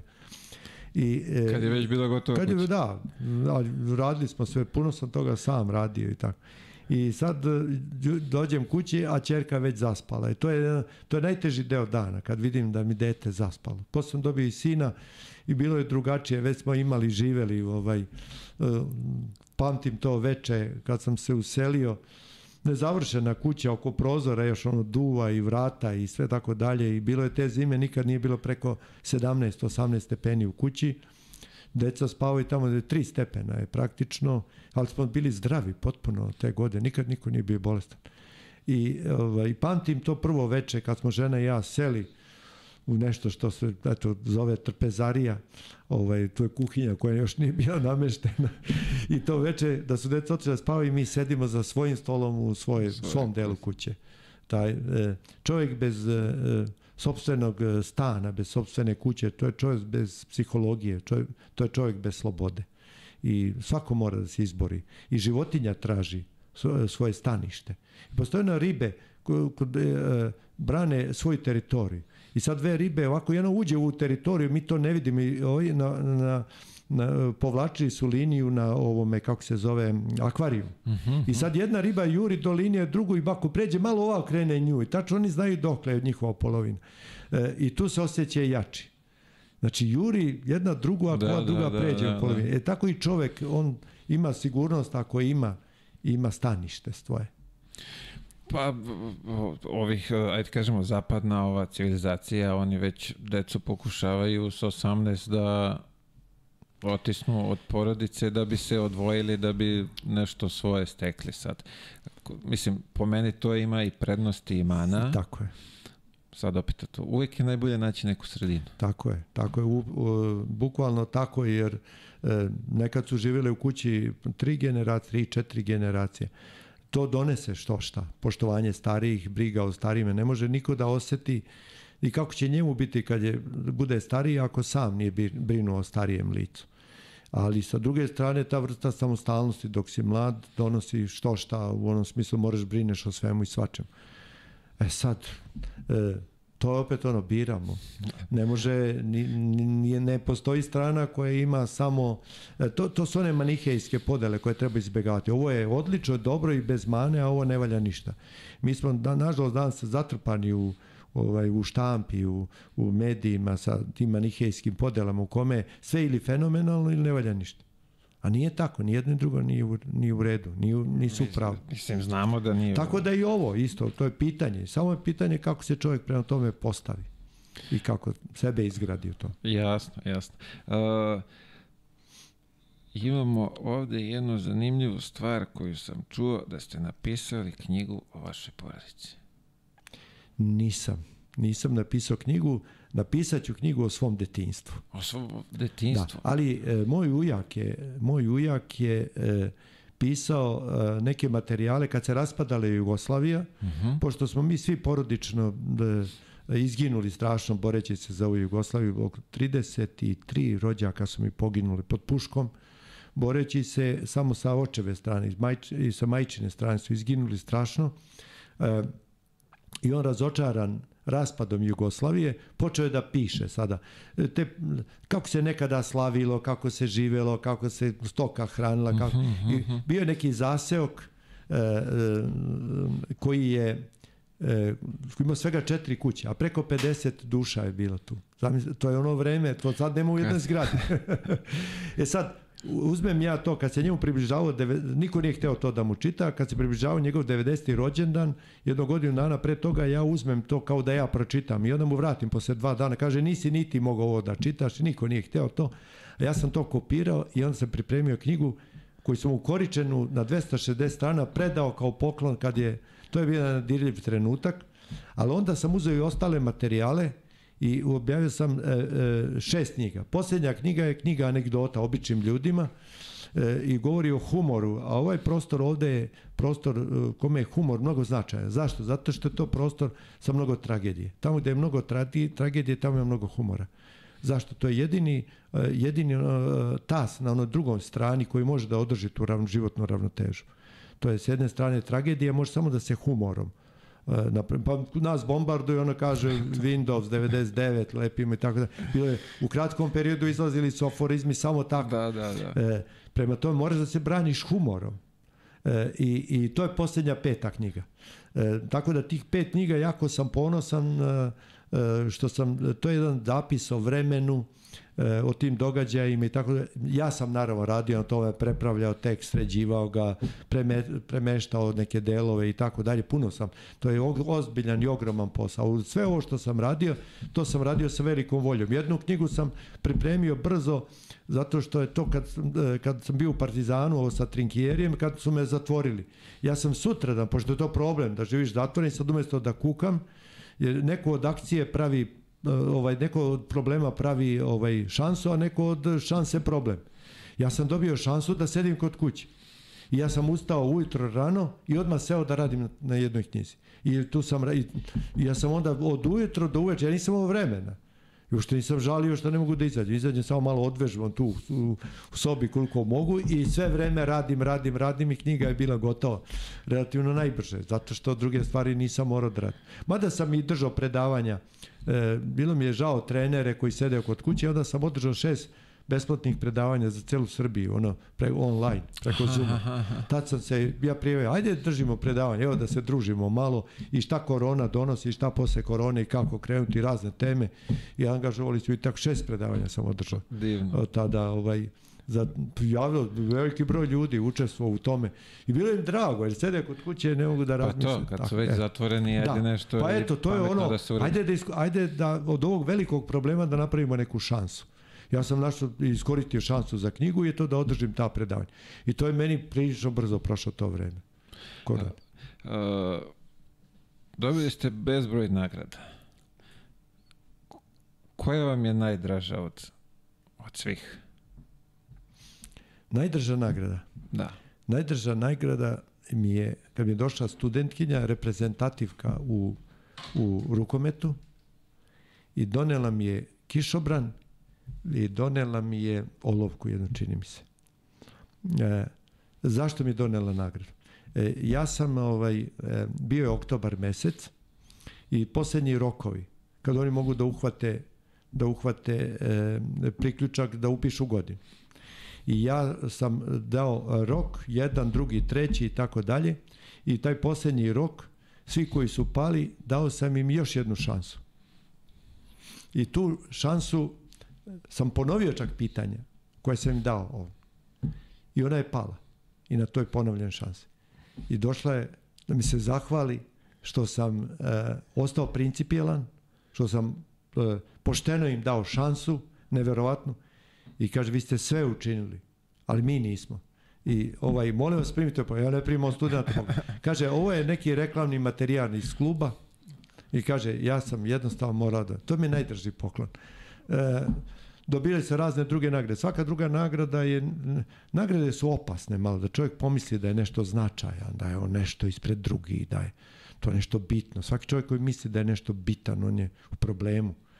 Jer groblje, kako kažu englezi, puno nezamenljivih, bez kojih se nije moglo. pa tako nismo ni mi tu. Jednostavno radim svoj posao. Ali onda dođe jedna, druga, treća nagrada. Nagrade su najdrže koje dolaze od studenta, ali dobio sam razna priznanja. Sad sam dobio od Rukometnog saveza. Dobio sam razvoj kuglanja, sam slao nekog na kuglanje, neku, dobio sam u izviđačima nagradu, dobio sam e, u vojci sam dobio e, od predsjedništva nagradu ona, e, ima nagrada primjera vojnik, a ima medalja za vojničke vrline koja je nekada donosila mesec dana odsustva, ovo je 15 dana. To je najviša nagrada koju može vojnik da dobije. Wow. Pošto sam bio u gardi i bio sam dobar vojnik, ajde mogu da kažem, Šlivančanin mi je bio komandant i mi smo tamo te, u to vreme kad je Tito bio bolestan i kad se sve to lomilo i umro je tada, e, kad sam ja bio na pola vojnog roka, tražio to neku vrstu odgovornosti i eto procenili su da sam ja tamo nešto kao dobar dobar bio i dobio sam tu, tu nagradu. E, e to je nešto što sam e, voleo ocu da pokažem i, i, i ovaj, jer on je bio ratnik, učestvuje u prvom svetskom ratu i u drugom svetskom ratu, učestvuje, mene dobio kasno, u 53. godini. A već sa 16 godina je bio u komitima u Crnoj Gori i tako. I, I značilo mu je to, mnogo mu je to značilo. On nije to naravno pokazao, jer postoji nešto što ne smeš da pokažeš u Crnoj Gori i nešto što mora da se pročita između redova i tako dalje. Ali ja znam da mu je to bilo drago. I to su te nagrade. Dobio sam neke sportske nagrade, ovako, e, šta ja znam, neke medalje i, i, i već se i ne sećam. Nisam ja to negde niš, nešto ni sistematizovao. E da, dobio sam važnu nagradu. Dobio sam nagradu za razvoj omladinskog e, dobrovoljnog rada. Ja sam godinama razvio taj deo koji se tiče e, e, fizičke kulture na radnim akcijama. Ja sam to godinama pratio i pravio programe za celu tu akciju, kompletno za sve te akcije i slao sam ljude sa fakulteta i tako. Puno sam stvari radio, ne, ne sve sam, nego i sa drugima i tako dalje, ali u svemu sam tome uživao. Ja sam uvijek birao one stvari koje su meni bliske srcu. Što mi nije bilo blisko srcu, ja to nikada nisam mogao da radim. Yes. Znači, to je. Tako da, nagrade su lepe, nagrade su, ovaj, dobio sam naravno i oktobarsku nagradu sam dobio Vrbasa, prvo sam dobio nagradu Beograda, oktobarsku nagradu Beograda, pa onda 40 godina u svom rodnom gradu. Jer kad te priznaju u svom rodnom gradu i u porodici, a tek u porodici, to je dug put, da dete shvati da ti ti neko, neko ko je to zaslužuje neku nagradu. Ti si uvek otac i to je naj, najteže priznanje dobiti od svog deteta. ja, Tako da sve se to negde nagomila i stavi na neku, neku gomilu, ali više je to potvrda da je čovjek bio nekom ispravnom putu. Ali Meni je zanimljivo svako nagrada, mislim nagrada, priznanje studenta kako biše da, da sam da, dobio sam dva puta nešto da sam među onima koji najviše inspirišu, postiču na kritičko mišljenje i tako da. Sad e, mene onda hoće da kažu da to kao najbolji profesor, pa najomiljeniji profesor i tako dalje. E, ja e, e, sam naravno srećan bio što sam tu nagradu dobio, ali sa druge strane vi uvek izazujete neku vrstu ovaj, i otpora, što je to tako svi se negde mere. Svaku nagradu koju čovjek dobije, za neke druge ljude je to udarac na njihovu sujetu i tako dalje. I ja znam da nisam najbolji, mnogo bolji koliko na univerzitetu ima. I onda pitanje te metodologije, kako je to pravljeno. I kad mi je student javio da sam to dobio, ja sam mu napisao, molim te, nemoj to nikome reći. I ja nisam to rekao ni u porodici. Pa mislim da su nedavno, pre koju godinu saznali za ovu moju medalju, da, saznala su deca za ovu medalju za vojničke vrline. E, nisam im ni rekao. A, e, ovo su, ovo su e, saznala žena ujutro i pošto su oni čekali da ne objave kad je to završeno sve na 65 univerziteta, u, fakulteta u celoj Srbiji i ujutro išao onaj Kairo na televiziji kao ona me budi ovaj pogledaj tamo ti si prvi ovo i ja kažem znam pusti me spavam ono rano bilo negde ujutro. I sad kako znaš? A mi nisi rekao i tako dalje. Pa je drugi put opet e, nekako malo čudan odnos prema tome imam. Međutim, ono što je lepo, moja generacija, moji studenti, to se toliko javljali e, iz celoga sveta. Oni su nekako sebe kroz mene doživljavali. Moja generacija bila tako ponosna što je to, tako moji prijatelji i, i tako, ali mogu da kažem da smo imali i neki neprilika zbog toga. To je uvek tako. E, ali dobro, od njih, ću, njih ću da preskočim.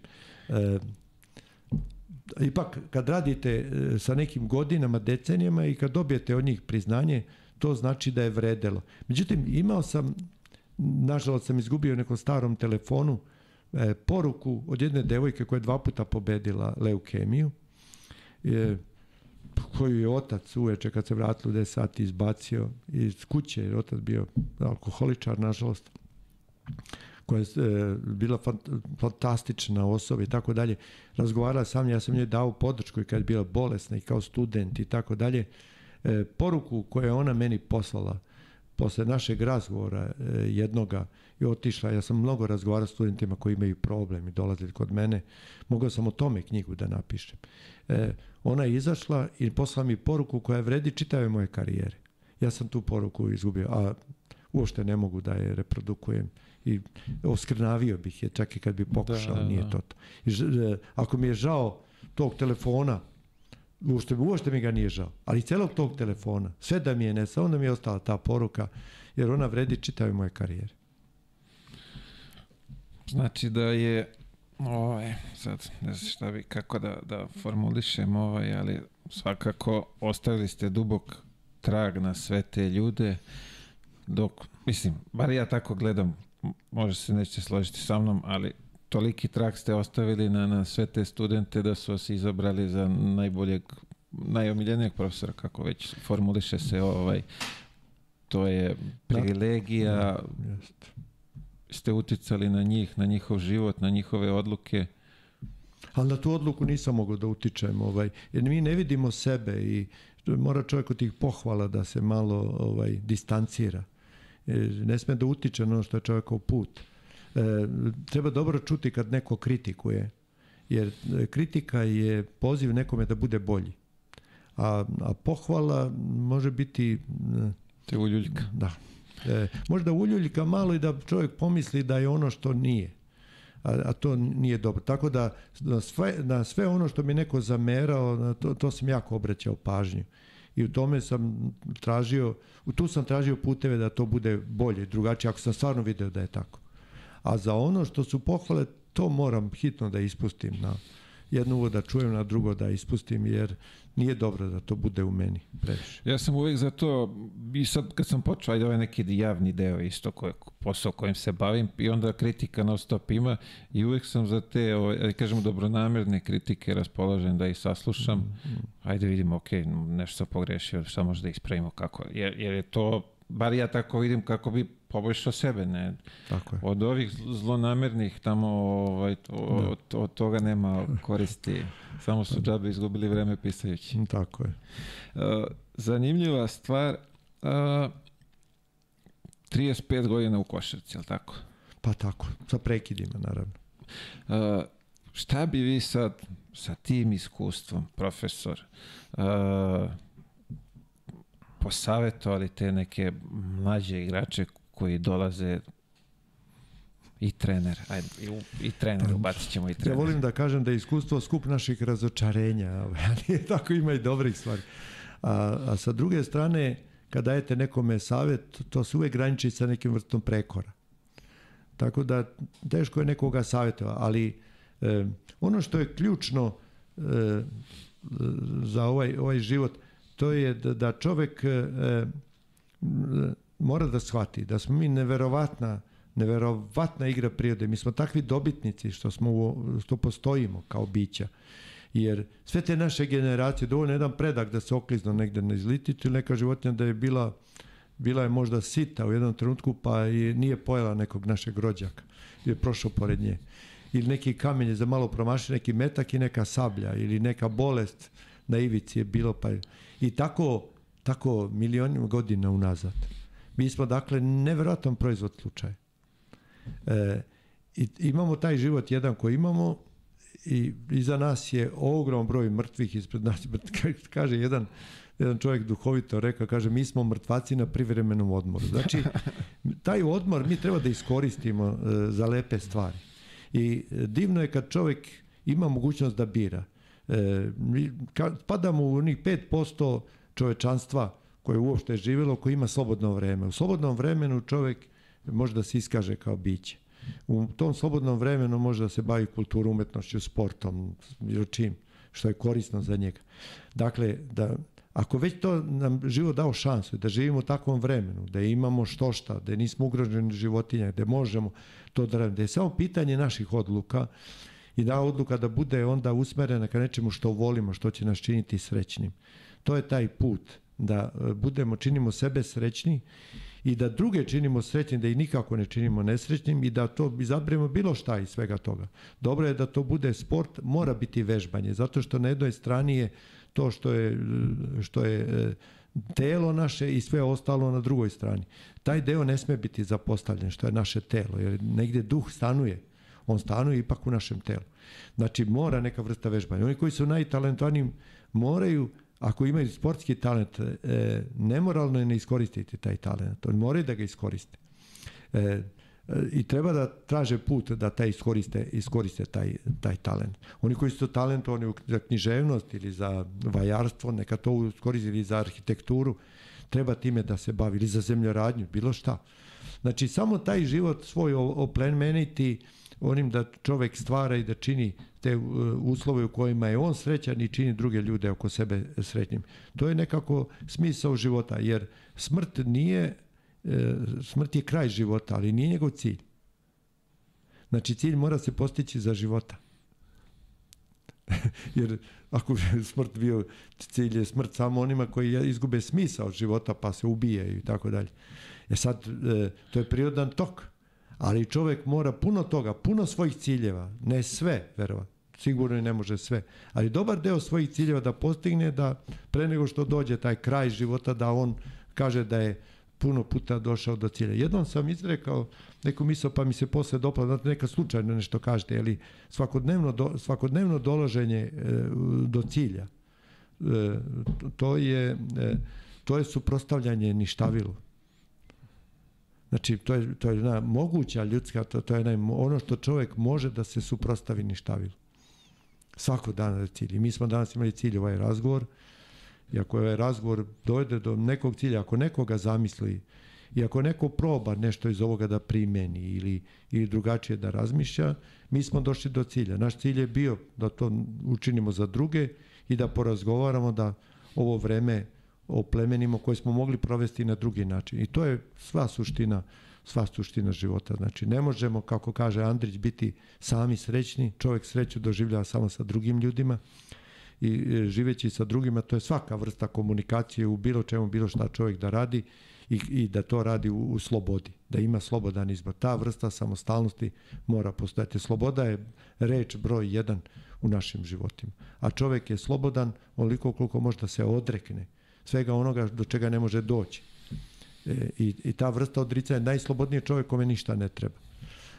A on radi sve e, onako, a da pri tome nikoga ne vređa, sebe čini srećnim i zadovoljnim. E to je ono što ovim mladima preporučujemo. Sad, kad bismo ulazili onaj sportski deo, šta mu preporučujem da dobro skače i da trči, to je duga priča. Ovo je bilo sasvim dovoljno ovaj, i, i tačno okupili smo se ovde da ovaj, ispričamo priču. Nadam se da će neke dotaći, da će nešto primeniti u, u svom životu, u profesiji, šta god da se bave. Mislim da smo mi današnji cilj ispunili, profesore. Pa ne možemo mi to znati. To neka kažu gledalci, ja ih pozdravljam sve one koji me poznaju, one koji me ne poznaju. E, to je e, ipak na njima da ocene. Mi sami sebe ocenjivati ne možemo. Može i tako, može i tako.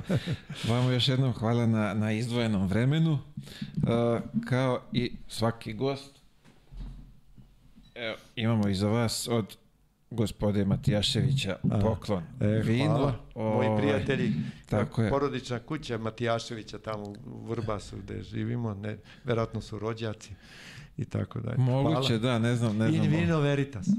U vinu je istina. U vinu je istina. Uh, to je jedan deo, imamo drugi deo. Hvala. Miksa, mogu te zamolim za uh, marker. Ovde skupljamo potpise. Bravo.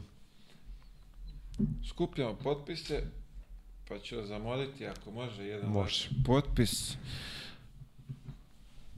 Cilj nam je da tu loptu damo na aukciju od tih prikupljenih sredstava Bravo. potrudit ćemo se nekom da pomognemo. Bravo.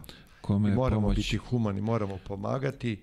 Ja sam, e, kad je bio ovaj zemljotres, otišao u libijsku ambasadu i dao sam novac i ponosan se što je moja čerka odvojila od svog skromnog, e, svojih skromnih mogućnosti novac i dao sam i tamo sam e, nisam mogao suze da e, suzdržim, jer sam video, ispred mene su bila dva starca, jedan je doneo svoju šteđevinu i poklonio, kaže, e, o žena i ja štedimo i dao je svoj novac.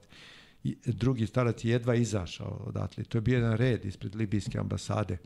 Libijske, Uh, ovaj, e, sirijski. sir, sir, Sirijski, sirijski, sirijski, da. To je ambasade. sad ovaj... Da, ovaj zemljotres što Da. je bio i onda zaboravljeni od sveta i tako dalje.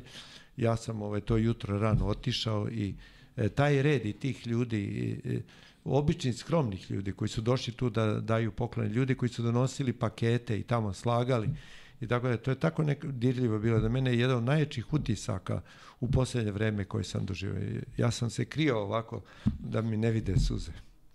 Ovaj, dirljivo, je, dirljivo je jako, ali uvek e, moramo, i to su nepoznati ljudi, negde tamo i sad zamislite u tu pusti u tom Halepu koji, Alepu koji je rasturen i tako dalje, ona dečica koja tamo gladuju i treba živeti na tom kamenu, u tom Pri tome šta su sve u proteklih godina da, i tako dalje. To samo čovjek kad zamisli, e, jer ne dešava se sve to drugima. To je velika zavluda. To smo mi. To sutra može nama da se desi. I, Ja. i e, prosto čovjek mora da se bori za sve ono što je u njemu čovjek. Da to održi. Nažalost, uh, ovde kod nas uh, pomažemo samo kad je dogorelo do, do noktiju, što bi se reklo. Pa eto, svaka vam čas za ovome i da se ta lopta Nadam se da, kažemo, opet vidjet ćemo da, skupo. ovaj, nadam se da će gledalci imati, što bi rekli, biti, biti darežljivi. Pa Naravno, da da. bi nekom pomogli da u, usrećimo koliko koga Mala možemo. pomoć je nekom velika. Tako je, Kažem. tako je. Nikad ne treba gledati ovaj, Tako. Ali biće, biće svakako, nadam se i da ćemo uspeti u tome, ali tu je Već naše, ste uspeli, kad naše- imate nameru, to će proći. Već naše da se trudimo da širimo dobre stvari, dobre priče, ljubav, Tako je. jer ljubav će nas spasiti, jel tako? Tako. Možda je to baš dole u tom ćupu na kraju. ovaj, na, jeste, nada. jeste, jeste. Profesore, još jednom neizmjerno hvala na odvojenom vremenu za naš razgovor. Želim vam pre svega zdravlje vama, vašoj porodici, da nam poživite dugo, jer ja mislim da vi trebate nama i još dugo godina i da možete pomoći mnogo. Hvala i veliki pozdrav i tebi Mile i svima ovde koji ovo podržavaju u ovoj prostoriji i, i svim gledalcima koji prate vaš podcast. Hvala još jednom. Dragi gledalci, bio to profesor Vladimir Koprivica, a mi se vidimo već sledeće srede. Svako dobro.